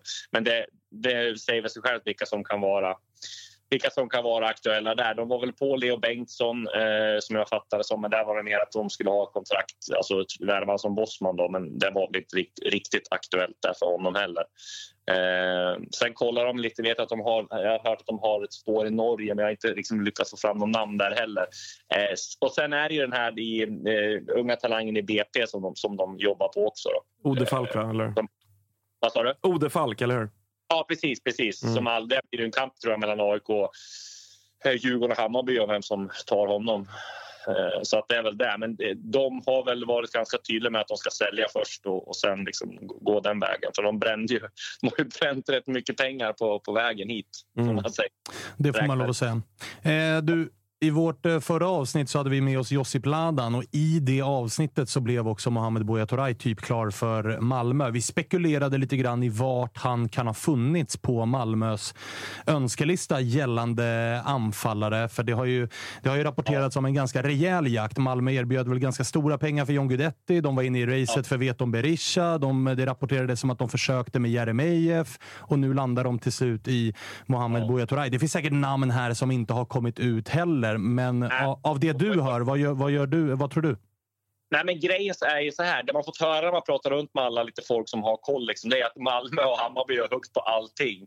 Sen är det svårt att säga exakt var i rangordningen alla är. Om man har tio krokar ute, vem är liksom första, första varet? Vem är sådär? Liksom? Det är ju, eftersom det är så många bollar i luften.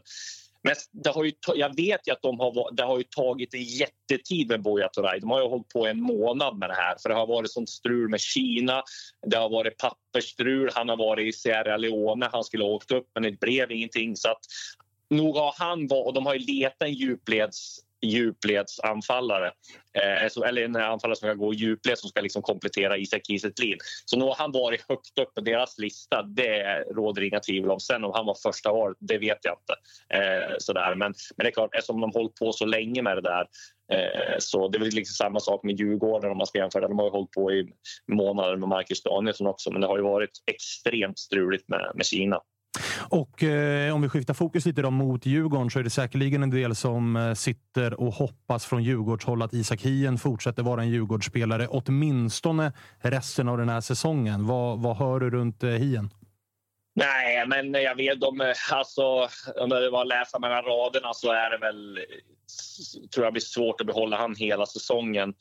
Dels med tanke på att de har ju de här buden från Slavia Prag eh, som de har liksom fått in. Och jag tror inte att intresset har minskat med sett till hans, eh, hans eh, prestation här senast. Och nu tog de in Marcus Danielsson. Jag menar, Isak Hien kom ju för nästan inga pengar alls. Han är 23 år. Ska de kapitalisera på honom nu så är det väl att han ska gå... Jag tror så här. Han har ett år kvar på kontraktet också. Eller något där, ett och ett halvt, va? Mm. Vad sa du? Han har väl ett och ett halvt kvar på kontraktet, så det är Ja. väl läge att sälja nu. Exakt, det är det jag menar. Och sen att Djurgården kollar ju hur det går för dem i Europa. Skulle de gå vidare till Europa, då tror jag inte de säljer dem. Eh, Men, eh, alltså gå, gå till ett gruppspel, då tror jag inte de säljer han. Däremot om de åker ut efter Eka eller omgången efter, då tror jag nog att det är stor chans att han säljs. Man ska komma ihåg också att Djurgården har liksom en historia av att lova, alltså, eh, värva spelare och, och liksom ja, eh, visa att nu, nu kan vi sälja. Och jag menar, det hade varit en jättefjäder i hatten om man tar Isak Hien framför alla, alla andra Stockholmsklubbar och liksom, eh, eh, köper honom bill, jättebilligt och sen säljer honom för ja, men 20-30 miljoner. Det är klart att det är en jättebra affär. Och, 20-30? och han ligger väl på ganska hårt. Du vill ha 50. Det är lätt 50. Vad sa du? Tobbe, Tobbe vill ha 50 miljoner här, säger han. Ja, precis. En 23-årig mittback. Ja, men fan. Eh, eh, man ska inte sitta och garva sådär. Eh, eh, Bosse Andersson har väl gjort sjuka affärer förr. Så att, Han sålde i Mackan för 50. det är väl han som fixar det där om någon. Ja, exakt. Men du, ifall du analyserar eh, resten av fönstret då. Du, du var inne på det lite, men du tror att det, att det lugnar sig lite grann nu i alla fall hos de stora drakarna? Det kan ju omöjligt fortsätta i samma, i samma takt. Det, det, det är jag helt övertygad om. Men Hammarby är väl klara. Malmö får väl räknas typ som klar. De har väl kanske någon till de tittar på. Eh, Djurgården, eh, ja, det är väl Haksabanovic, det vad som händer med honom. Men det, om, nu kallar de väl hem Albion Ademi, va? så jag vet inte. Och det har väl stått tidigare att som jag läst att Haksabanovic har en del från Premier League och det är svårt att konkurrera med det. Eh, nej men det är väl, eh, alltså med AIK, skulle de ha flyt att Jordan Larsson inte skulle få någonting och att de får hem honom, det hade ju varit jackpot. Liksom. Eh, så länge inte han har gjort helt klart med något så lever väl hoppet fortfarande. Nu såg jag att jag var och tränade med Högaborg. Jag ska inte liksom ge några... eller liksom, att eh, man man ska ge några förhoppningar. För han har ju varit väldigt Det gjorde du precis, Disco. För helvete. Fan. Fan, nu fick man ju upp pulsen här. Nej, jag menade att, att bara att... Eh, ja, så länge han inte gjort klart något så är det, så är det liksom inget spikat. Men, men han lär väl hitta något utomlands när han varit klar med. Det är ju eh, definitivt eh, känslan. Men fan, det, det, som aik just nu så är det inte mycket att glädjas åt. Det finns ingen silly överhuvudtaget Nej. och eh, resultaten just nu är, eh, är kämpiga.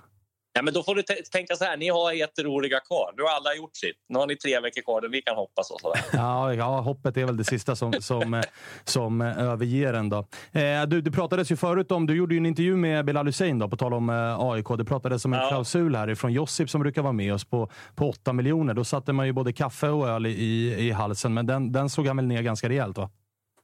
Ja, alltså det gjorde han ju. Det var väl hans tidigare avtal, eh, sa han. Då. Jag menar, han får väl lita på att han inte, inte ljuger. Men eh, det var lite roligt där när det kom det där med, med klausulen. Jag gick bort och lurade min eh, kollega på Aftonbladet, Orsin Cantwell, att, eh, att Bilal Hussein var såld för 3 miljoner. Och sen kom det där med utköpsklausul. Det var liksom inte så bra timing på det. Men, nej, men så det har han väl inte. Och jag menar, det känns ju som att... Jag menar, skulle Jurelius sälja Bilal Hussein nu för typ 8 miljoner och säger AIK redovisar ju alltid sina, sina summor också. Det känns som de, det, det skulle inte han vara speciellt nöjd med. Nej, och det känns också som att om det hade varit en prislapp på 8 miljoner för Bilal Hussein, då hade han väl varit såld. Ja, så känns det också. Men samtidigt, jag menar om han spelar kvar nu och går... Eh, jag vet inte, nu skrev han nytt kontrakt så han har ganska långt kontrakt. Ja, nej, nej, jag har svårt att se att han går för den, den summan. Sen kan det ju vara, ja, precis, nej. Då måste de ju blixtvärva på den positionen också. Ja, så är det ju definitivt. Det är ingen som kan gå in och ta den. Nej, Det är ingen som är i närheten. nej, nej. Alltså, det är en av allsvenskans bästa på sin position. Så den är, bra. den är Skulle. 8, skulle 8 miljoner stämma måste ju AIK dessutom värva ja, men dels en ersättare till Bilal Hussein. Men behovet av en ytter står ju kvar så att säga. Och vi får ju inte två, en klass innermittfältare och en klassytter för 8 miljoner. Nej, nej. nej inte Knappast. direkt. Så det vore, Knappast. ja, ja. Knappast. Du, eh, hur roligt är det för dig just nu? Är det det här bästa tiden på året eller? Ja, men det här har varit jävligt kul nu. Framförallt när det har varit så många hemvändare och det har varit sånt jäkla tryck och jag får DM så äh, att man får så mycket tips från läsare och eh, eller tittare är ju jäkligt kul. Så att det är en kul period men svårt att balansera med. Liksom, jag har inte haft så mycket semester direkt så att vi får se här. Kanske det blir någon dag eller två att ta här i. Vad är, eh, vad är sommarens sjukaste tips som har rullat in i DM? Det har ju varit, alltså vi, vi är ju ett par som har följt den här serien länge. Alltså du vet, det kommer ju ibland de här Luis Figo är i Solna centrum. Alltså den typen av rykten. Har det kommit något sånt den här sommaren som du har känt att du har garvat men du har inte skrivit? jag skulle fått den här för, för, och fått kolla igenom. eh, För jag har, ja, det var ju någon jag tänkte på. Där. Jag kommer inte ihåg vad det var. Det var någon värvning i alla fall eh, mellan klubbarna som var helt osannolikt. Ja, men det var väl Mark, Mackan Danielsson till Malmö tror jag det var någon som tipsade om att det skulle vara helt klart. Det Mm. kändes rätt sjukt. Men det har kommit in och sådär också. Mata till Malmö har det varit. Eh, eh, Juan Mata. Matatata Ja. till Malmö alltså. ja. Den, den hade Det är varit för att han har svensk tjej, va? Är det inte så? Ja, han har väl också... Det är alltid svensk tjej. Ja, ja. Luis Figo har ju också svensk tjej, så det är klart att han var klar för AIK tio fönster i rad. Fan, Jag han, hade nu, han hade i och för sig. Luis Figo hade typ tagit en tröja som ytter i AIK nu. Ja, så foten lär han ju ha kvar. Spelsinnet Ja, spelsinnet. försvinner ju inte. Nej. Man Och- gillar ändå sillen. Alltså, när folk börjar, så här, flygplatsgolv. Men jag tror jag var på den här flygplatsen. Det är någon som är på väg hit nu. Det där är nog Zürich. Den snubben, hade, han kan ju åka från Zürich till Stockholm, så det är nog han. Flight radar är ju också, det är ju underbart. Ja, ja. Jag fick från en kompis idag att eh, Daniel Larsson eh, var på Arlanda. Då vart man ju direkt så här, vänta han är ju agent nu för Rosenberg. Vilka har de? Vart ska han någonstans? Så det, den, är, eh, den är kul i Sillin. Ja, men en rolig grej som, som, eh, som liksom har gått under radarn det är ju det här att eh, när, när man värvar hemvändare så, så kan ju inte spelarna, om de var utomlands, kan de inte vara i Sverige när de ska utbetala sign-on-bonusen. Det har någonting med som heter zinkskatt att göra. Så det var lite roligt där när jag skrev om att eh, Marcus Danielsson var eh, eh, klar för, för Djurgården och sen så eh, la han upp en bild på Instagram när han var i Köpenhamn. Just det. Eh, och det var ju året då satt han ju i Köpenhamn för det var ju dit Simon Gustafsson flög också. Så båda två satt i Köpenhamn och väntade på att de skulle få sign-on-bonusar utbetalda och kunna flyga hem. Det var lite roligt. Fakt- Faktiskt ett helt otroligt system. Mackan Ja. Danielsson är på Kaknäs varje dag och tränar. När kontraktet ska signas, då måste han flyga till Köpenhamn först. För det är då sign-onen kan komma in och sen tillbaks och träna. Galna byråkratin jävla i Sverige. Ja, Det är så jävla Svenska byråkratin. otroligt svenskt. Men du, eh, Disco Härligt, har vi missat något? Eller August, Ja, jag, något jag vill bara ha, om du liksom, det kanske är en svår fråga Disco, men om du kan ge något form av sådär, ett helhetsgrepp, vilken klubb du tycker har agerat bäst. Det behöver ju inte nödvändigtvis vara liksom att de som har värvat flest spelare, men de som har gjort liksom bäst fönster kontra sämst fönster. Ja, svårt alltså. Jag menar... Eh, eh, jag menar alltså Malmö får man ändå säga. Jag är ju väldigt spänd på... Jag vet att ni sågade ut... Det var ju någon som sågade ett Buya Turay-värvning där, men Det var Svanemar. Isak Kiese Thelin och Buya Turay känns ju som att finns det något anfallspar som kompletterar varandra eh, bättre än dem? Det har ju svårt att, att se i allsvenskan nu. Eh, däremot så måste man ju säkert få Buya Turay i matchform. Men det känns ändå som den anfallsduon kan det bli en del mål för. Jag menar, vi såg ju vad liksom Isak Kiese Thelin betydde för Rosenberg tidigare och betytt för andra eh, Malmö... Eh, vad hette det? Eh, anfallare. Så då känns det som att eh, Buya Turay kan bli riktigt bra där också. Ja, jag, jag, jag håller med dig där. Jag tror ju också att Buya Turay kommer bli jättebra i Malmö. Både du, du Svanen och även eh, Pöler som var här i onsdags sågade ju den värvningen. Alltså den typen av hemvändare som har varit Mm. eh, och hämtat den stora pengen och inte är från Sverige. Jag ser, de har, är- finns det något exempel som har lyckats? Han är bara 27 år. Han har, liksom, han har ju gjort det här med Djurgården. Har han ju spelat, eh, eller ju vunnit SM-guld, men han har aldrig fått spela i Europa till exempel och tagit nästa steg utomlands så, liksom, kanske till Holland. Det är väl det han siktar på, så jag tror att han är ganska hungrig över. Dels att spela i, för jag menar Malmö kommer ju komma till något gruppspel känns det som. Eh, jag tror de löser det. Och jag menar löser de den här så är de ju i princip klar va, för något gruppspel. Som med alla hemvändare så säger jag, finns motivationen där så kommer det bli bra. Men jag Ja, sätter ett frågetecken Nej, på det motivationen. För cashen har ju trillat in. Mm, så är det i och för sig. kommer vara en bra grej för alla journalister i alla fall, för han har ju noll filter. Han är helt galen i plåten. Ja, det- Kutar ja, det omkring kan med bli ett par kul. shorts på pallet och ja, står och skriker. Cirkus. Ja, Cirkus cirkus. Turay. Eh, grymt då, Disco. En sista fråga då. Vi ska ringa upp Sissi och prata lite Elfsborg. Vad tror du om eh, Simon Olsson? Det har ju pratats om Rosenborg och grejer där och han är väl typ Ja. Elfsborgs viktigaste spelare. Ja, jag tror också de, och för sig nu väntar de där. Men jag tror att han, de, han, han, de kan ju nog jobba för att han, alltså spelaren själv kan nog vilja iväg. Där det är så, så pass bra mycket mer pengar hos Rosenborg än vad det är hos Elfsborg. Det är liksom en på, på cashen där. Så att han kan nog jobba för en, för en flytt dit också. Sen vet jag inte, Elfsborg... Det som talar för att han säljs det är för att han står väl, när man pratar med Stefan Andreasson så är det ju mycket turordning och sådär. Samma sak med Bosse Andersson. Nu har den fått gå, den ska vänta. Och Simon Olsson har ju väntat på sin chans ganska länge så det är klart att ska man se det i turordning med vilka som ska bli utlandsproffs så, så ligger han bra till. Men där måste det nå upp rätt mycket pengar för Elfsborg eh, vill ha bra betalt. Han är extremt viktig för dem. Men man förstår ju honom nu, för att nu är Europa kört. Det finns inte jättemycket kvar. Alltså, det kommer inte bli någon Nej. guldkandidat i allsvenskan. Så är det någon gång han ska gå och är det någon Ja. gång de ska få betalt så är det väl nu. Ja, är det någon gång de har, liksom ska sälja han, eh, när de liksom SM-guldet är borta och Europaspelet är borta så är det väl nu också. Så att det talar ju för att det blir bra. Du, eh, härligt Disco. Du ska få fortsätta gnugga lite fler sillynyheter. Jag hoppas och håller tummarna varje gång du håller på och teasar om att snart dyker det upp en sillynyhet att det ska vara AIK. Men jag får väl vänta då. Du är sugen Ja. på en ytter. Vi får se. Vi får se. ja. Vi får se. Ja. Du, eh, tack för att vi fick ringa. Stort tack! Vi Ha det hörs bra. då. Ha det bra.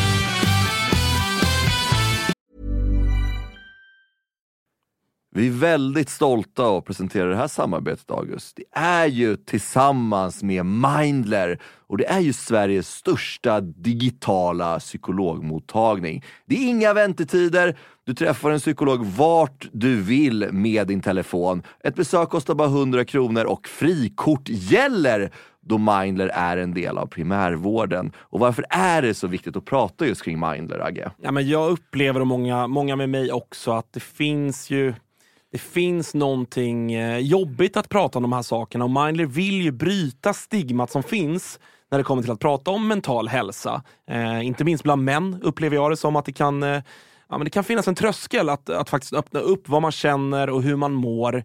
Och därför tycker jag att det är väldigt glädjande att på senare tid så är det ju många idrottsmän och kvinnor, några i allsvenskan, som har öppnat upp och pratat om eh, sin psykiska hälsa på ett väldigt fint sätt, vilket jag tror eh, man kan vara med och bidra till att bryta det här stigmat. Verkligen, och du hade ju en liten intressant gäst i eran podd för någon vecka sedan. Det var AIKs psykolog med. Lyfta ja, någonting exakt. kring det här. Ja, men det var intressant. Eh, Jon Hasselqvist heter han och eh, det var ett eh, väldigt intressant samtal där vi, där vi kom in på hur mycket det mentala spelar in i form av prestation, men också hur viktigt det är att man som människa ska må bra för att prestera. Och Det går ju att applicera såklart på fotbollsspelare, men också på sådana som du och jag, alltså vanliga människor i sin vardag. Att det är, eh, det är viktigt att lyfta upp det här till ytan och att eh, hantera det. Verkligen, och känner ni att ni vill ha någon att prata med så finns ju Mindler där för er. Och det som är så himla bra är att du väljer själv vilken psykolog du vill prata med och du kan byta om du känner att ni inte riktigt klickar. Och Mindler finns ju för alla som är plus 18 år. Så gå in på mindler.se och läs lite mer och boka din tid hos en psykolog redan nu om ni känner att ni behöver liksom hjälp kring det här ämnet. Stort tack till Mindler. Vi är sponsrade av MQ och nu har Dobber, som är deras egna varumärke, kommit med en sommarkollektion. Äntligen lägger vi vintern och alla tunga plagg bakom oss och klär oss lite lätt. Sunset Horizon Club, alltså vad är det? Jo, det är inspirerat av surfen. Jag älskar surfen. Det är raka linjer. Det är eh, inte de här tajta plaggen, utan det är, det är lite mer luftigt. Och det kommer också i en eh, rad olika material, eller hur? Ja, men så är det. Det är ju eh, tencel, det är linne, det är lite jordiga toner eh, och eh, vad gäller plagg då så är ju de eh, knälånga stilrena shortsen såklart eh, med oss. Vi har skjortor med print och broderi samt det som jag kanske föredrar mest av det här, set i form av shorts och overshirt i liksom samma stil. Och så lite skjorta under det kanske är man redo för eh, lite kärleksfulla eh, sommarkvällar, Thomas. Mm, som ni hör, eh, det finns en hel del att kolla in i Sunset Horizon Club som alltså är Dobbers nya sommarkollektion. Glöm inte bort Tencel som alltså är mitt favoritmaterial som utmanar bomullen. Det är jag kan inte säga bomullen kan ju vara både tjock och tunn beroende på hur, hur många gram man använder, men det, det känns väldigt lätt på kroppen. Väldigt Ligger mjuk och len. Ja, len. Bra. Len Bra, bra, bra. också. Eh, det, det här ska man kika in. Alltså Dobbers eh, nya sommarkollektion som heter Sunset Horizon Club. Och var finns det någonstans? Det finns på mq.se eller i alla MQ-butiker runt om i landet. Gå in och fynda nu inför sommaren. Vi säger stort tack till MQ som är med och sponsrar Totosvenskan. Vi är glada att Tuttosvenskan görs med våra vänner på HelloFresh. Och många där ute, inklusive oss, börjar kika på att använda mer växtbaserade och hållbara ingredienser när det kommer till just matlagning. Och nu har våra vänner på HelloFresh via sitt nya samarbete med Oatly nöjet att presentera massa nya rätter på veckomenyn med just Oatlys havrebaserade i-mat. Och varför i-mat, Dage? Ja, men det är väl kanske en fråga man ställer sig. Men det är ju så att det är en ingrediens med 61 procent mindre eh, CO2-utsläpp och 83 procent mindre mättat fett än traditionell grädde. Så det är ett väldigt bra substitut. Ja, men och denna vecka så har vi kollat på HelloFresh hemsida och eh, botaniserat lite kring recepten som innehåller just i-mat. Och min tydliga, tydliga favorit är den soltorkad tomat rigatonin som ju har då lite soltorkade tomater, det är körsbärstomater, det är rucola, zucchini, riven ost. Ja, men ni hör, en väldig massa smaskiga grejer som blir en krämig pasta. Just att använda rigatonin, Freddy, som jag vet att du gillar också, som just suger upp all den här såsen. Mm, den är en favorit hos mig. Verkligen, och jag gick faktiskt händelserna i förväg och testade redan förra veckan deras medelhavsinspirerade räkgryta med just i-matsåsen och sen lite, lite, lite fint långkornigt ris. Eh, och Agge, vi har ju som vanligt en kanonkod också med våra vänner på HelloFresh. Den, den, den, den hoppas jag folk kan nu. Ja, det är ju Fresh Tutto. Du får upp till 1359 kronor i rabatt på dina fem första kassar om du inte har prövat HelloFresh ännu. Plus fri frakt på den första matkassen. Och det som är så bra, har du inte använt HelloFresh på över 12 månader så gäller koden även dig. Så gå in på hellofresh.se och lägg en beställning på en riktigt fin matkasse redan nu. Testa HelloFresh, testa Oatlys i-mat. Vi säger stort tack HelloFresh. Han göra. Ja, han har att göra. Det har han definitivt. Passande också för honom att hans eh, liksom, konkurrent Anel Avdic, han är ju på semester. Så det har ju varit smörgåsbord nu för, för Mm. Disco att bara, bara äga eh, sillyscenen. Och som han har satt ner foten. Ja, känslan är att när ungarna vill gå ut och bada där uppe i Sundsvall så är det liksom, "Vä- vänta lite här nu, vänta lite här nu, nu, nu bor jag klar, nu bor jag klar. Un- ungarna är nog inte skitnöjda på honom. Nej, nej. Eh, Men ja, nej, han har varit stark här. Vi har ju kängat honom lite där i våras, framförallt med, med John Guidetti, ju, att det inte blev klart då. Men äh, jävlar vad han har levererat nu under sommaren, Disco, det får man säga. Det får man säga. Hur eh, Djurgårdschili, behövs det nog mer nu eller? Nej. nej. Ni ser gärna, ni, lika mycket som jag hoppas att det ska stå med AIK när han teasar, lika lite hoppas du att det ska stå med Exakt, vi Djurgården. värvade in en bänkback nu. Liksom. Ja, som ni spelar Som spelar landslaget. landslaget för Ja. tre månader sedan. Ja, det är helt sjukt. Och ni, ni, vill inte, ni vill ju inte bli av med någon. Och ni behöver egentligen inte få in något mer. Nej. Kalle Holmberg kan väl få lämna nu? Eller? Jo, han kan väl nej, nej, Släpp men jag- Kalle Holmberg Fina nu. Kalle ändå. Ja. Alltså. Fan, 400 lägen förra året och bara träffa målvakten varje gång. Jävla trist alltså. Det är en av de intervjuer jag minns mest ifrån förra året var ju när Kim hade tröttnat på Kalle. när han stod där och bara, vi skapar ju läget, men vi har ingen som sätter bollen i mål. Och då hade Kalle startat sin sjunde raka match. Ja. Som nia, med enda uppgiften, stå Gör i straffområdet, peta in bollen. Eh, Det var faktiskt en uppfriskande intervju. Ja, men det var ju till, och med när, han, när avsluten blev bra så var det ju liksom, då var ju typ Nordfält eller någon var där och bara Ja. du vet, så här, gjorde fantomräddning. Det gick, det gick inte att få Och då in visste man ju som djurgårdare att nu kommer det gå 20 avs avslut till innan det där bra avslutet kommer. Ja, för att han har ju ett var tjugonde ja, ja, ungefär. men det är ju, som ju träffbilden. ge- gemene allsvensk forward. Exakt så. Eh, det har varit mycket AIK och Djurgården. Ja. Vi ska ringa upp och uh, prata med Sissi också som var på plats i uh, Nordnorge. Är det väl de ligger. Ja, Molde, där jag någonstans. följer henne på, på Instagram. Hon verkar ändå haft en trevlig resa, även om resultatet var, var som det var. Vi frågar henne. Sissi, var det en trevlig resa? Ja, det är ju resan som man åker för. Inte mycket resultatet. Nej, ja, jag är inte där att kunna smälta resultatet än faktiskt. Jag har tänkt. Vi, vi eh, pratade lite grann om att det var upp som en sol och ner som en pannkaka. Ni ledde ju med 1-0 i paus. Vad fan hände sen? Ja, sen får vi en total jävla kollaps på en kvart. Släpper in tre. Och sen, alltså Molde är bra. Eh, var bättre än oss i första med, men eh, nej. Andra halvlek är ett stort mörker just nu. Och, eh, Eller just nu då. Ja, exakt. Men, men du, det här hoppet. Vi pratade nyss med, med Disco om lite så här silly-grejer. Han var inne på att nu kanske Elfsborg säljer Simon Olsson, för nu försvinner... Det, det, det är inte så stor chans kanske att Elfsborg vänder det här och, och tabelläget i allsvenskan är ju Mm. vad det är. Kände du också när matchen var slut att, inte så här säsongen är över, men du fattar vad jag menar? Att det kanske blir lite Mm. av en mellanmjölksäsong detta? Ja, men det är klart, det, det är helt tomt att först uh, få 3-0 med Bayern i söndags. Åker upp till Molde. Hade inte höga förväntningar. Ser ändå första halvlek och där känns ju väldigt mycket hopp. Uh, I halvtid är, är jag ju ändå fortfarande positiv och sen kommer det här i andra. Det känns... Allsvenskan... pff, skittråkigt att det är liksom helt kört. Europa, ja, kört. Alltså det blev ett, vi har pratat om det innan, att det varit ett vakuum och det var ju verkligen så igår med. Att det, och sen är jag också, vi pratade om det här lite internt, att jag är arg att inte fler är arga.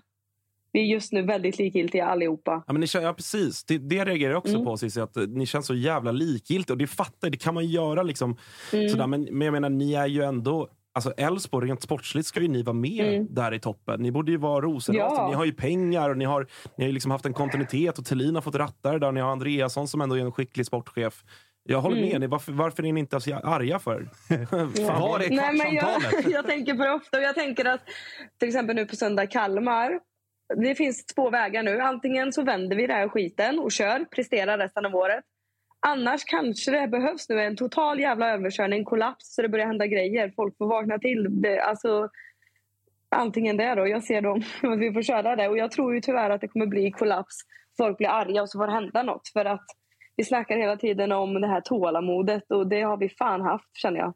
Ja, och jag menar så här, signalerna klubben skickar är ju också att det är slut på tålamod. Alltså man plockar hem Holmén och Mm. Hult. Det är inte två spelare som ska fostras och säljas vidare, utan det är två klassspelare som kommer in som har varit och nosat på landslagsfotboll. Och, och liksom, De ska ju inte springa runt och liksom komma åtta i allsvenskan och förlora varannan Nej. match. Och, jag menar, det som händer efter att de två spelarna blir klara, det är 0-3 mot Bayern, 1-4 mot Molde. Det blir verkligen så här, vart ska man? För de, de värvningarna signalerar ju att så här, nu går vi. Men resultaten blir raka motsatsen. Mm. Vill dock bara poängtera att det var ett jävla fint moment när både Hult och Holmén eh, hoppade in i Molde igår, deras första match. Då fällde jag faktiskt några tårar. Det kan jag förstå. Eh, så det var ju fint. Men sen hjälper ju inte det då.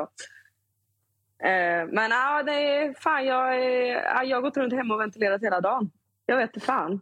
Tror du att Holmén är... För att jag menar, det har ju ändå varit en Mm. styrka tidigare säsonger att ni har varit bra bakåt och Rönning har ju... Han har inte varit dålig i år, men han har varit en av seriens bästa målvakter. Ni har släppt in ganska få Mm. mål tidigare säsonger. I år känns det... Jag vet inte, har ni hållit nollan någon match? Jag tror att ni har släppt in mål i varje match. Ja, vi, gör- alltså, även när vi vinner släpper vi in skitmål. Så Ja. att nej, bakåt fungerar det inte. Tror du att eh, liksom, lösningen är Sebastian Holmén? Nej, jag vill inte lägga lösningen på en specifik person heller. Eh, det handlar om eh, ah, alla ska jobba där bak. Vi hade första halvlek igår ett jävla bra exempel när fan alla var där nere och krigade sig nästan till blodiga och så lyckades vi inte släppa in ett sånt mål. Sen så kommer andra halvlek och då är det helt öppet. Alla står och kollar på varandra. Rätt in. Jag vill tro att det hela backlinjen och, och bak ska, ska lösa detta ihop. Mm. Sen vill jag eh, såklart alltid att Holmén ska komma in och vara hjälte. Men är det, vi pratar ju om att så här, folk är inte tillräckligt arga. Jag tror vi pratar om så här, Mm. supporterreaktioner då. Men, men eh, Mm. är det kanske lite talande också för hur det är på plan? Att man är, det, det, det är lite för fina Elfsborg? Alltså du med? Man, Ja, man, ska, man blir måste vara lite- det elakare. Liksom. Man, man pratade ju mycket om Holst som en sån spelare, att han var jätteviktig för i fjol. För han var den här elaka jäveln på mitten som vann bollar och smällde på. Medan i år så det har läckt bakåt. Och en anledning kanske var Mm. att det, vi, det ska spelas fin fotboll och vi ska spela på vårt sätt och sådär. Det, det, är inte lika, Mm. det är inte lika sexigt att försvara. Liksom. Nej, men sen handlar det också om att typ, som mot Bayern borta så gör vi en av våra bästa halvlekar i år och sen förlorar. Så att då blir det svårt att vara arg när man får det spelet man vill. Men, så det, så jag, men sen så gömmer man sig lite bakom det. Ibland kan jag också känna att jag skiter i hur jävla bra vi spelar för vi får inga poäng med oss. Och det är så man vinner. Mm. Den var ju kanske den roligaste grejen efter eh, matchen vi såg, August, AIK-Kalmar. Där efter matchen står alla AIK-supportrar och säger att fan, Kalmar spelar fint, så där vill vi lira. Och Rydström står och säger AIK vann, jag skulle vilja vara mer som AIK. Båda vill vara varandra. Liksom. eh, vilket är så jävla klassiskt support att gräset är alltid grönare på, på andra sidan. Men, men du, vad, Mm. vad känner du här framöver då? Du var inne på det. Det är Kalmar och sen så är det ett eh, halvtungt returmöte då, som väntar mot, eh, mot eh, Molde. Vart, vart, vart tror du att er säsong tar vägen efter det här? Ja, det, det, jag, jag har ofta en vision och grejer. Just nu är det blankt och det är det som är läskigt. Jag, jag kan inte sitta och säga något annat än att jag tror att vi vänder detta. Eh, men nej, jag, Molde liksom det, det skiter jag i lite. Om jag skulle kolla allsvenskan så eh, vi får ju inte tappa mer. Alltså det blir ju skandal då. Och vi ligger nia nu. Det, nej, för fan, jag är rädd lite. Lite nojig för, för säsongen. Sen så vi har höga toppar, djupa dalar. Kan hända. Men hur, och hur tungt skulle då ett sånt slag som att bli av med Simon Olsson vara? För Disco var inne på det. Att så här, ska, eh, han är ju lite den spelaren som har varit näst på tur i Elfsborg att säljas. Det har pratats om eh, ja, men Malmö var där, då sa Elfsborg blankt nej. Det pratas om Rosenborg. Nu när ni ligger där ni ligger i allsvenskan och Europa är mer eller mindre kört och hans kontrakt är väl ett och ett halvt år kvar eller vad fan det nu är. Eh, det är ju ett ganska bra läge att ekonomiskt sälja Simon Olsson som säkerligen är sugen på en utlandsflytt och är jävligt bra. Han är er bästa spelare. Eh, men det hade ju också varit ett sportsligt, en, en jävla örfil. Och någonstans Ja. också en så här passning, eller passning, någonstans en signal till supporten att äh, vi vaskar den här säsongen. Vi får bygga om inför nästa med de pengarna som försäljningen inbringar. Så att hur surt skulle det vara att bli av med Simon Olsson nu? Ja, jag är delad för att det, han är superviktig. Både Simon och till exempel Leo snackat också om. Eh, de är superviktiga. Samtidigt så, så jobbar ju Elfsborg så att vi, vi unnar ju och vill ju sätta våra unga spelare i Europa. Så för, för Simon Olssons skull vill jag ju såklart att han ska få en riktigt bra deal att gå. Eh, han är värd det också. Just nu känner jag att han, eh, han är för bra för Elfsborg. Eh, men eh, för, för mitt lag så är det supertungt. Eh, så eh, nej, men jag, jag tror väl att de kommer gå och jag unnar dem det. Eh, sen så hoppas jag väl inte då att Elfsborg ser som att okej, men vi bara överlever den här säsongen och bygger om. Utan vi får bygga om nu. Eh, Cissi, hur mycket, hur mycket jazz var det i, uppe i Molde? Jag, så, jag såg att du var på jazzklubb. Ja, det var ju, det kom, vi hade ju bokat ett uppladdningsställe och så helt plötsligt kom det ju bara in en jazzkonsert där. Så det var ju jättekul. Det var, Fan, det var en grym resa. alltså. Vilken jävla Eh, dröm. Old fashion och jazz. Fan vad mysigt. Det, det hände mycket i. Jag, eh, framförallt, det var en lång och en fruktansvärt dyr resa. Så, Och så ett fyra på det. Och så ett fyra på det. ja, Ja, jag fy får, ta, får ta med dig Men, jazzen i alla fall. Ja. Ja, du fick i alla fall jazzen. Jag fick, bara, jag fick tuben till Tele2. Fy Ja, fan. för fan. Det var ju någon som skrev det på Twitter faktiskt. Det kan ju hända att AIK åker ut ur Europa utan att ens Ja, ja. lämnat Stockholm. Och ändå inte vara först med det, för det gjorde Bayern först. Ja, Så att vi får inte ens fjädern i hatten. Nej, liksom. inte ens men Nej. Bayern är alltid först Det är med så, sådana saker. det är så, är så jävla, jävla deppigt. Men eh, du, eh, hur många var ni där då? För att jag, jag förstod det som att det var jävligt krångligt att ta sig dit. eh, ja, det var ett projekt, men vi var ändå 100 plus på stå, vilket jag är väldigt nöjd över.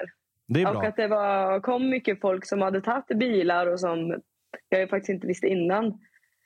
Eh, jag och Isak Idén gick ju på en eh, vandring. Vi vandrade upp på ett utsiktsplats på ett berg där i en och en halv timme. Det var en jävla idé vi fick för oss. Och sen när vi kom fram där uppe och käkade lunch så träffade vi några som sa ja men ni är gulliganer, ja det är vi. Så vi åkte med dem med, ner och då berättade de att de också hade... De, man får ju planera en hel tripp för att gå på den här matchen. Så det var jättekul att eh, träffa nytt folk och vara så många där faktiskt. Men eh, du, du, det var inget privatplan. Hur gick det med dem? För du var ju ute och jobbade och försökte lösa ett Ja. privatplan. Men vi hade privatplan och vi hade chans på helikopter med. Men eh, eh, privatplanet, alltså det var ju ett jävla logistik. För vi hade ju en pilot där och ett plan. Men problemet var att eh, eh flygplatsen eh, i Borås, vi kollar ju på alla flygplatser nästan till i Västra Götaland, de stänger så tidigt. Så de stänger vid 22 så vi hade inte kunnat landa planet. Eh, men då började vi kolla på andra flygplatser så då hittade vi att vi till exempel kunde landa i Skövde. Men då behöver vi flytta planet dit. Alltså det börjar ju bli jävligt dyrt här nu helt plötsligt. Där började det bli dyrt. Privatplan i sig, inga problem. Nej, nej, nej. Men när vi ska flytta det till Skövde och grejer, den logistiken, där blev dyr. Helvete vad stålar det finns nere i Borås. Ja, alltså. jävlar i mig. Alltså, jag hade ju problem med SL-kortet igår. Liksom. Det är skitstruligt. Ja, det är allt för Elfsborg. Nej, men vi får se. Oh, det ser ju tungt ut, men resan till Kazakstan eller Ungern, den blir också svår att lösa. Men det går alltid. Ja, och det är nästan, liten. alltså jag är nästan mest ledsen över att ni troligtvis åker ut mot Molde, för att jag hade hö- velat höra dina resplaner till Kazakstan. Ja, det hade blivit med rymdraket. Ja, det hade kunnat bli rejält rörigt. Vilket resmål ändå. Kazakstan. Ja, det, det är otroligt alltså. Ja, det var ingen rolig lottning. men-. Nej, ni har, ni har eh, fortsatt oflax i era lottningar, både sportsligt men också eh, liksom locationmässigt så har ni det kämpigt. Ja, vi kämpar på här. Det gör ni. Du, eh, tack för att vi fick ringa i alla fall och eh, ja, kämpa på då. Ja, ha det bra. Detsamma. Hej, Hej, hej. Man blir inte riktigt klok på eh, Elfsborg ändå. Det är ju som Nej. du säger, alltså, det, det pratas ju om kris i Peking och det pratas, eh, liksom, det pratas mer om andra och så kommer man på att Elfsborg ligger fan med nia. Ja, och Elfsborg är väl det laget av dem, liksom, om man ska ta det facket, Peking, Blåvitt, Elfs, alltså, det är det laget som ändå i nutid, om man kollar de senaste 10-15 åren, sportsligt har legat där uppe kontinuerligt. Peking absolut med guldet 15 och så. Men jag menar, Elfsborg tog guld, guld 06, guld 12. Eh, det var ju laget som skulle jogga hem det varje år innan Malmös storhetstid började och sådär. Så att Elfsborg ska ju vara där uppe, så att det borde ju pratas mer om kris i Elfsborg. Men jag tror att det har att göra med att, lite som Cissi var inne på, att kravbilden och liksom eh, internt bland det, alltså det, för att det ska snackas kris stort och brett måste ju någonstans lagets egna supportrar börja känna vad fan håller vi på med? Så jag tror att Cissi är inne på någonting där supportrarna själva måste börja ställa lite krav och kanske är ett litet jävla kva- kvartssamtal som behövs och sådär för att det ska liksom, eh, Fina. sättas lite eld i röven. Fina kvartssamtalet. Jag kan visa er hur man gör. Jag är expert. Jag har en handbok. Liksom. Handbok 1A på kvartssamtal. Ja, ja, ja. Herregud Ja, ja. alltså vad det, det bästa Möts som upp finns. utanför alltså. träningsanläggningen. Ja, exakt. Ta reda på när det inte är öppen träning. Ja, exakt. Kom dit minst 50. Hela den biten. Men, och det, samma där, alltså, de plockar Hult och Holmén. Alltså, Det är Mm. två stycken jävla prestigevärvningar. Verkligen. Och ändå så sitter vi i Stockholm och i Malmö och säkerligen i Göteborg och man typ rycker lite på axlarna åt det. Mm. Det är sjukt det. Hur dyra är de värvningarna? Ja, de, de smakar nog. Men Alltså, hur Holm- mycket pengar har Elfsborg? De har ju ingen publik. Nej, men de har ju liksom också... På kortsidan så är det Mm. okej. Mm. Och Kortsidan så- är bra. Liksom. Men sen hela huvudläktaren är ju, den är ju halvtom jämt. Men de har väl så sick mycket sponsorer och de förs- Ja. säljer ju spelare hela jävla tiden för topp, hyfsade eh, summor. Alltid toppsponsormässigt. Jag tror att de är tvåa efter, eh, Ja, efter, de, var det i alla fall. efter Malmö. Jag vet att de var det i många, många år. Jag Ja. vet inte exakt om det är så fortfarande, men jag tror att eh, de är topp tre i alla fall. Så att, och sen har de väl ändå sålt liksom ganska dyrt ett par gånger de senaste tio åren. Ja, och många spelare som har gjort det bra i Europa och, Ja. och hela den grejen. Och så här, kontinuerligt gör hyfsade försäljningar. Nu säljer de ju Sandén för typ 20 millar. Mm. Eh, Simon Olsson lär väl dra in i ungefär likvärdigt Ja. eh, många miljoner. De sålde ju Jesper Karlsson för något år sedan till AZ för bra jävla pengar. Så det tickar ju liksom in hela tiden hos dem. Och sådär. Så det, det är märkligt att det inte tar fart på allvar. Eller så här, det är märkligt att det har gått så snabbt utför. Och det känns som man är inne på att så här, ingen har riktigt brytt sig om att det har gått så mycket utför.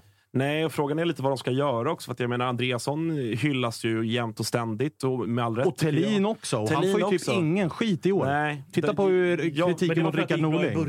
Eller hur? Ja, det gick men- väl som tåget i början. Där. Men, ja, de inledde väl med torska mot Mjällby i första, eller vad fan det var. Jag tror de har Men varit mellanmjölk de hela med säsongen. var de Alltså. inte med där uppe? Nej, jag Det tror att de tror blandar ihop dem med Mjällby som var med där uppe i början. Ja, nej, men jag, nej, precis. Nej, men är ni med? Alltså, Thelin, Rickard Norling har ju fått extremt mycket skit för Mm. hur eh, Peking har sett ut. Thelin pratar ingen om. Att så här, vänta nu, ni var ju guldkandidat i fjol, ni är nia i år. Mm.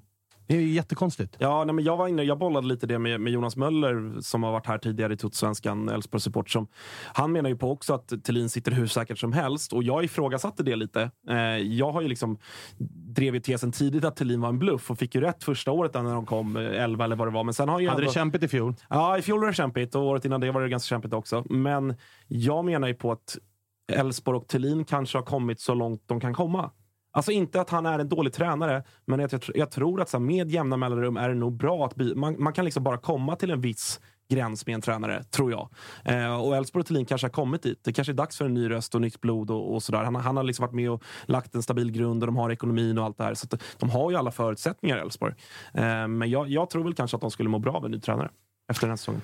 Eventuellt då. Jag tror att man får se lite grann, för att det som har saknats tycker jag i Elfsborg är kravställare ute på planen. Är, alltså, Mm. Visst, Johan Larsson, men det är en högerback. Alltså, det är inte en central spelare. Niklas Hult och Holmén här som kommer in, det är ändå alltså, det de har saknat väldigt Mm. mycket i Europaerfarenhet, landslagsmeriter, eh, kommit upp i en ålder och har en, en högsta nivå och en grundkvalitet Mm. eh, som bör kunna, liksom, de bör kunna vara spelarna som sätter ner foten. Som till exempel stoppar en blödning borta mot Molde när 1-1 målet kommer. Att det inte ringer 2-1 och 3-1 Mm. inom 11 minuter, utan som faktiskt agerar på det. Samma sak i typ matchen mot Bayern där hon är inne på att så här, vi gör vår bästa match för säsongen. Ja, jo, men det är också 0-3 Mm. i röven. Eh, Den typen av spelare är ju de som ska se till att det inte blir... Visst, man kan torska en sån match med 1-0, men att det... Elfsborg väldigt mycket i år är antingen eller. Antingen är det bra och de vinner matcherna stabilt, eller så släpper man in oerhört enkla mål och det, det är liksom i, i perioder i matcherna är man bra och sen så dippar man och är urusla och det håller på så. De här två spelarna, jag tror att det Elfsborg vill göra med dem är att höja lägsta nivån ute på planen, för det tycker jag att man, man har saknat. Sen om det lyckas eller inte, det är ju väldigt mycket upp till, upp till bevis för Thelin ifall han ska vara kvar eller inte. För det kanske är som du säger, att de två åren han har haft här i ryggen, de två senaste när man har varit topplag, det kanske var toppen. Man kanske har pikat med honom. Ja, ja, jag tror det. Jag tror det. Eh, vi får se. Spännande helg som väntar. Det vankas ju eh, ett hyfsat toppmöte. Häcken-Djurgården, där Häcken kommer utvilade. Djurgården kommer ifrån en rejäl jävla tömning eh, borta mot eh, Rijeka. Vad, vad, är, vad är, är känslorna inför den? Att bara komamba? Det är lite så just nu. Det är liksom... eh, Sen derbyt mot Bayern där liksom... Ja, Bayern har mer boll, men vi har ju fler chanser. Eh, och ja, de har två i ribban på slutet när de ska försöka trycka in en. Liksom. Men sen den matchen så känns det bara liksom så här, okej. alla bara slet för varandra eh, och fortsätter göra det. det är liksom, Ni har vunnit varje match sen uppehållet, va? Ja, och den innan. Ja, Fem det. raka. Just Sex raka med Just.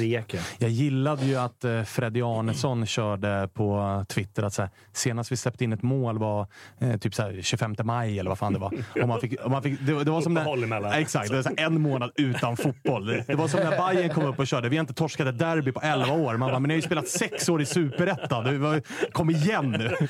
Det går inte att räkna de åren. Nej, det, det, går inte att räkna, det går inte att räkna. Det är som att, vi, När man inte har varit med. Exakt. Det är, som, det är som att avsluta allsvenskan med att vinna med 1-0 och sen är premiären vinna med 1-0 och bara, vi har inte släppt in mål på ett halvår i allsvenskan. Nio mål på nio Ja, exakt. Det nio poäng på nio matcher. Ja, det- det- det- det- Där fick, där fick man ju be Freddy, och vänligt men bestämt, att sätta sig ner. Även om han har rätt i sak. Så, så det har inte spelats liksom 13 matcher under den här perioden. Men det är en jävla form ni är inne i just nu. Ja, det är helt sjukt. Och det har varit, ja, förutom bayern derbyt där så är det ju typ 4 och 5-0 i resten av matcherna. De har fyra vinsterna tror jag. Det är, nej, bra. Men hur eh, skraj är man för Häcken? För att jag menar, det är ändå att... De är sylvassa. Ja, och dessutom så tror jag att Jeremejeff-nyheten kommer nu. Det är ju en nyhet som jag tror ger en jävla energi framförallt till truppen. Att så här, okej. Visst, vi har tappat Berggren och Leo Bengtsson, men vi ersätter ju Berggren med en spelare som fan är bättre i storebror Gustavsson. Leo Bengtsson är en ytter, där kan man stoppa in Turgut eller Ali Youssef eller vad det nu än är. Men framförallt så, det har ju varit ett orosmoln sen eh, fönstret öppnade. Att när drar Jeremejeff? Nu kommer signalen att han ska stanna resten av säsongen. Det skickar ju signaler och det ger energi tror jag till hela laget. Att så här, nu kör vi. Absolut. Eh, det som, de är grymma. Eh, de leder ju allsvenskan. Det, är ingen som kan säga någonting annat liksom, eh, än att de är grymma. då. Eh, vi kommer vara där med jävligt mycket folk, vet jag. Så Det kommer ju kännas som hemmaplan för spelarna. Så att, Mm. Vad tror, vad tror, I och med matchen som var igår, alltså så här, det är ändå en, det är en tuff Europamatch, varmt som fan, sen match också, det blir det är ganska kort vila ändå. Mm. Tror du att det kommer ske...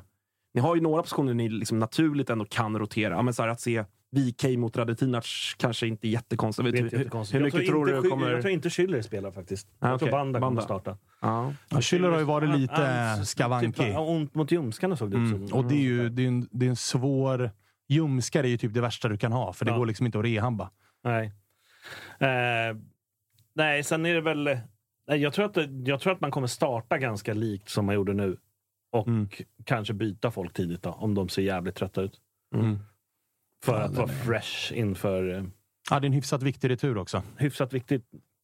Det är ju, det är jävla, alltså, kommer man vidare och sen så playoff, och liksom, där, där får det liksom bli lite slantsingling om man ska kunna gå vidare. Men kommer vi vidare från Rijeka nu, då ska det ju vara enklare motstånd eller lättare motstånd. Liksom, betydligt svagare från något äh, obskyrt land någonstans. Där, dit man får åka ännu färre än vad vi var nu. Ja, Skulle den vi är få faktiskt- så här 250 Ja, just biljetter. Ru- Rumänien va? Ja. Ja. De, deras arena tar typ 7 och 5 tror jag. Så där får ni väl eh, 100 biljetter. 150, nej, men 250 biljetter skulle vi få. Ja, och den är ju helt sjuk. Ja, den är helt Men det är ju också, och det ska man ju ha med sig, alltså tar man sig bara till playoff så är det 10 mil in. Ja, exakt. Så att bara det är ju ganska fina pengar. Absolut. Men eh, nu är det, äh, fullt ös bara. Det, det känns som att de vet vad de ska göra där ute. Fan skönt att vara i ett läge där man som supporter känner att det inte är så mycket att fundera på. Nej, men det, det måste vara likadant för spelarna. Eh, lite transfer news då från Josip Ladan, AIK. William Rashidi lämnar AIK för Borussia Dortmund. U-kontrakt, så AIK får väl två backar läsk och. Tack Josip, jävla pitt. en baklorang och en massarin. Men alltså, de, de, de där nyheterna som kommer i våra livesändningar runt AIK. Kommer du ihåg när vi hade Oskar Månsson här och man bara, har du något att bjuda på kring AIK? Alltså ge oss någonting. Och han drar, ja jag har en grej faktiskt, en ganska, liksom, en bra grej. Okej, berätta. Taha Ayari, lillebror Ayari, är nog på väg till Feyenoord. Jaha, ja men tack, vad kul. Härligt, fint. Nej men eh, okej, lillebror Rashidi då. Alla, alla småbröder, de drar innan de ens har hunnit spela A-lagsfotboll. Ja. ja. Nej, jag blir så trött alltså. Nej, Josip kan dra åt helvete.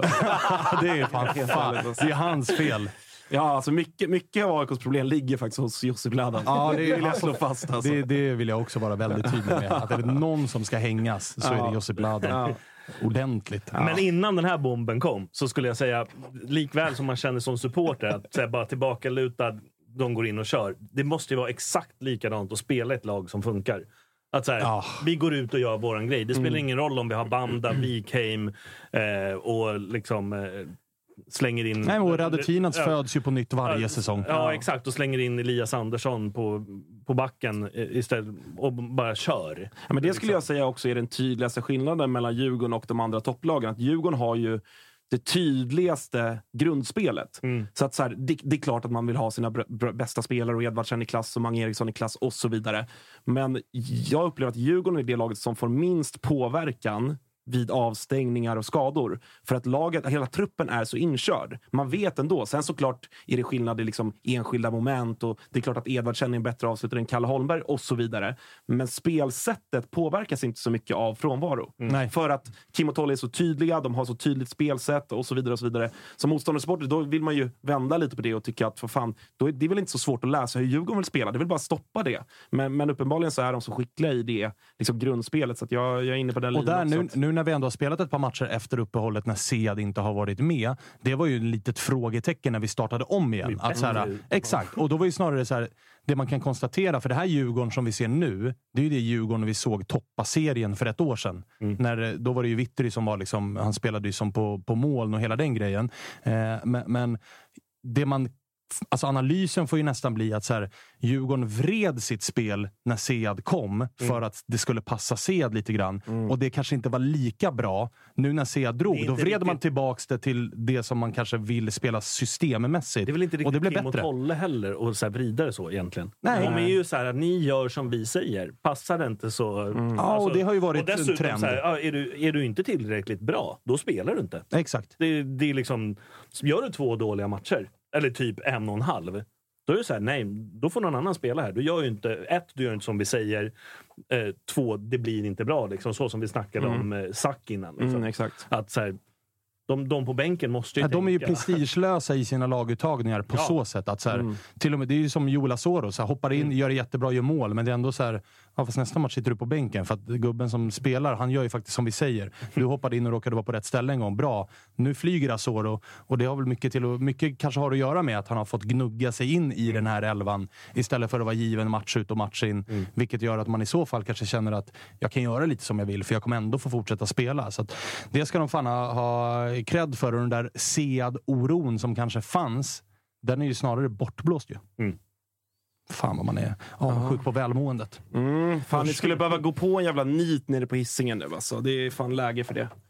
Ja, en rejäl. Ja. En rejäl. Kalle, Ja. Ja, har du något att komma med från inför hissingen Mm, men det har jag faktiskt. Det är ju som så att det kan bli en liten nit. Enligt oddsen då, men det är jämnt som djävulen. Alltså Häcken oddsfavoriter till 2,52 hos Unibet jämfört med Djurgården 2,75. Eh, Så det är väldigt jämnt, men jag har spanat in ett litet specialspel som jag tyckte var kul. Som heter Unibet-dubben då, vilket är minst två mål i matchen totalt och eh, Jeremejeff mål. 1,50 gånger pengarna. Så lasta in en rejält stor jävla summa på det om du inte har problem med spel. Eh, och, för då är det bättre att du hör av dig till stödlinjen.se istället. Ja. Ja, Jeremejeff Ja, gör ju Jeremy- mål. ja, det är ju det enda vi vet. Ja. Eh, Sen hur matchen slutar, det känns ju jävligt oklart. Ja, det känns ju helt ovisst. Djurgården Helt med stäm. Ja, och Häcken som bara fortsätter och de öser in mål också. De, fan, det, det kan gå hur som helst. Känslan är väl typ att det blir så här 3-3. Ja, och känslan på Finnvedsvallen är väl att AIK åker på det. Eh, borta mot eh, Värnamo. Eh, för att jag menar, vi vet ju om... Det vet ju både vi aik men också alla som verkligen inte håller på AIK, nämligen Tobbe och, och andra. Att sen när det blåser... När det börjar blåsa upp till storm mot AIK så är det sällan den mojnar. Utan det ska ju bli en rejäl jävla orkan och sen mojnar det. Ja, jag, jag är ju en av de aik som liksom, jag, jag romantiserar väldigt lite kring de här stormarna. Jag Jo, men de- de är ju Ja, där. de är ju där. Jag, alltså- jag vet, jag vet. Jag, fan, det är så jävla, jävla deppigt att sitta här nu. Gnaget som skrev på Twitter här innan, innan vi gick in för sändning. Blir det, blir det, blir det liksom lite terapi eller är det, liksom, är det Västerbron? Jag sa att det blir nog Västerbron, men fan lyssna ändå. Jag får väl liksom börja fan pusha igång det här. Man är inte smartare än så. Att man, jag, jag ska ju åka dit på söndag och gå på den där jävla matchen. Liksom. Kvartssamtal, du sa det innan. Ja, det är kvartssamtal på söndag. Nej men fan, jag har känsla nu ändå. Vi gör en jävla prestation. JG smäller in sin första balle på söndag. Ja, det är det väl dags för Det va? gör han tror jag. Det är det väl fan Han borde ju få starten med tanke på att han gjorde drygt 30 Hur länge orkar han? Nej, det är inte läge va? Nej, det, det är inte, Stäng jag, av, jag, stäng av. Sorry. Ja, men jag- jag tror Dålig att- timing. Jag tror väl att han... eh, Han startar ju och gör Han startar, men jag tror inte att han gör mer än 65 nu heller. Med tanke på att vi satte oss i den skit vi gjorde igår. Första matchen såg ju död ut efter 30-35. Ja. Alltså det såg Ja. ut som att, att så här, in hjärtstartare och Ja, ja, in med allt. In med Ja. allt. In med allt. Nej, men jag tror att han, han får nog 60-65 ändå. Eh, för att jag, tror, jag skulle tro att Bartos kommer vilja starta honom på onsdag igen. Alltså så här, han behöver ju spela fotboll, för det han behöver är matchform. Alltså du, kan, Ja. du kan gå ut och springa maraton varje dag och göra biptester och idioter, men det är ju någonting annat än att spela Mm. fotbollsmatcher. Så det och det är ju någonting man behöver för att komma i matchform, så är det att spela fotbollsmatcher. Så att de kommer ju sätta honom på startlinjen. Han kommer ju få spela tills han spyr och sen så kommer han få gå ut och sen kommer han starta igen. Är det Fan, chatten, du chatten? Chatten med lilla observation här. Ja, men jag tror han startar, men jag tror ändå inte att han gör mer än fyra mål. Ja, men det känns som en rimlig, liksom, att tala om förväntningar och sådär. Ja. Ja, men fyra gör han. Fyra gör. Får vi odds på det, eller Kalle? Har vi odds på fyra på JG? jag tror inte den ligger uppe. Ja, Nej, men alltså hur, hur, om man säger så här då. Hur, hur eh, viktig... Alltså, Värnamo borta, Mm. det är ju final. Ja, det blir ju det. Eh, och det, det hade det ju... Eller, Men alltså förstå också att, nu hade jag serien uppe här. Ni har alltså 28 poäng, 3 poäng från, från toppen. Ja. Och det är kris. Ja, ja. Det är Men- kris exakt. i AIK. Och problemet, problemet är ju att vi har inte gjort...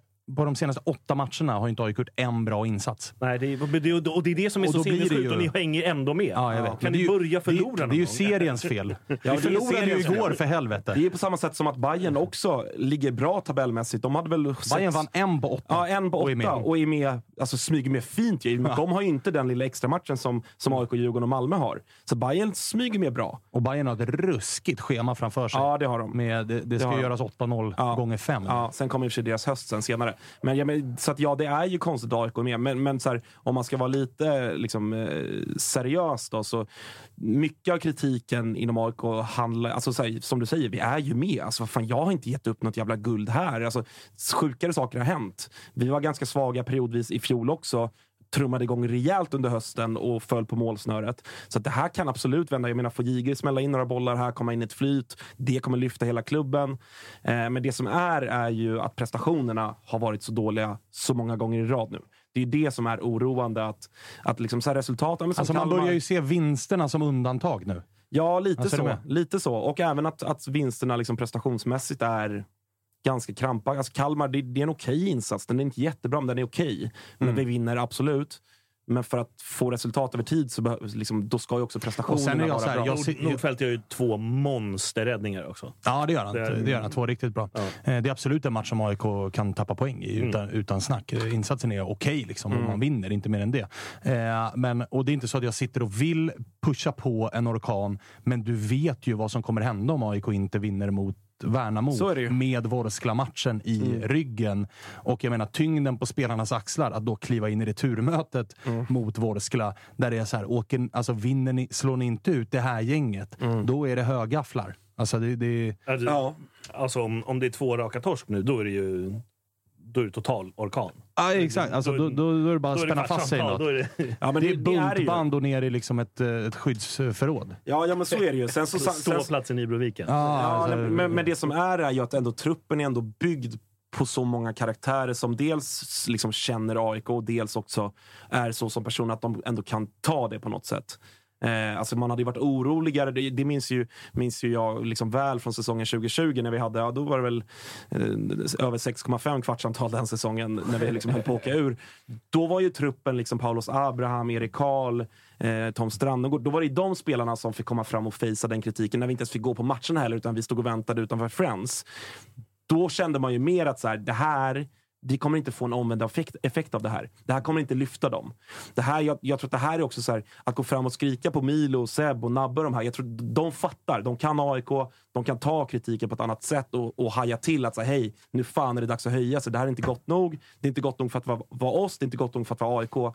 Vi fattar, nu, nu jävlar kör vi liksom. Eh, så att jag tror ändå att truppen kan ta den typen av, av liksom storm när slash om det väl kommer. Spännande blir det. För att det är eh, helt olika jävla tongångar i eh, de två klubbarna som vi har pratat om i det här det. avsnittet. Det har blivit mycket AIK, mycket Djurgården med tanke på Europamatchen igår. En del Elfsborg med Sissi också och jävligt mycket Silly med disco. Det är också ett fredagsavsnitt, Kalle, eller hur? Mm, så är det verkligen. Eller hur? Eh, Tobbe, tack som fan för att du eh, kom hit. Ja, kul att jag fick komma. Ja, du är välkommen tillbaks eh, fler gånger ifall du inte hamnar i någon bur i Rumänien här på vägen eller någonting. Eh, Marcus var ju där. Han fick ju plåt till slut vad det Ja. verkar. Var inne och körde Shake It Up Baby och, och hela jävla Man skulle paketet. vilja höra lite, lite nuggets från resan. eh, Kanske framförallt saker som hände utanför. Sådär. Det Ja. lär ju han ha bra koll på när han var där. Eh, exakt. Vi hoppas att han kommer hem hel och ren. Ja. Halvhel och halvren. Ren i alla fall. Ja. Om man ska sitta här inne. Ja, exakt. Ja. Eh, hörni, tack för att ni lyssnar på uh, Toto-svenskan. Följ oss precis överallt. Fortsätt att uh, höra av er till oss också. Tänk inte på tonen. Det är bara att köra på. Det, det gör ni ju ändå inte när ni hör av er. Det är högt och framförallt är det jävligt lågt många, många, många gånger. Men så är det i den här ankdammen som är svensk fotboll och kul är väl det. Vi hörs igen på måndag. Trevlig helg på er.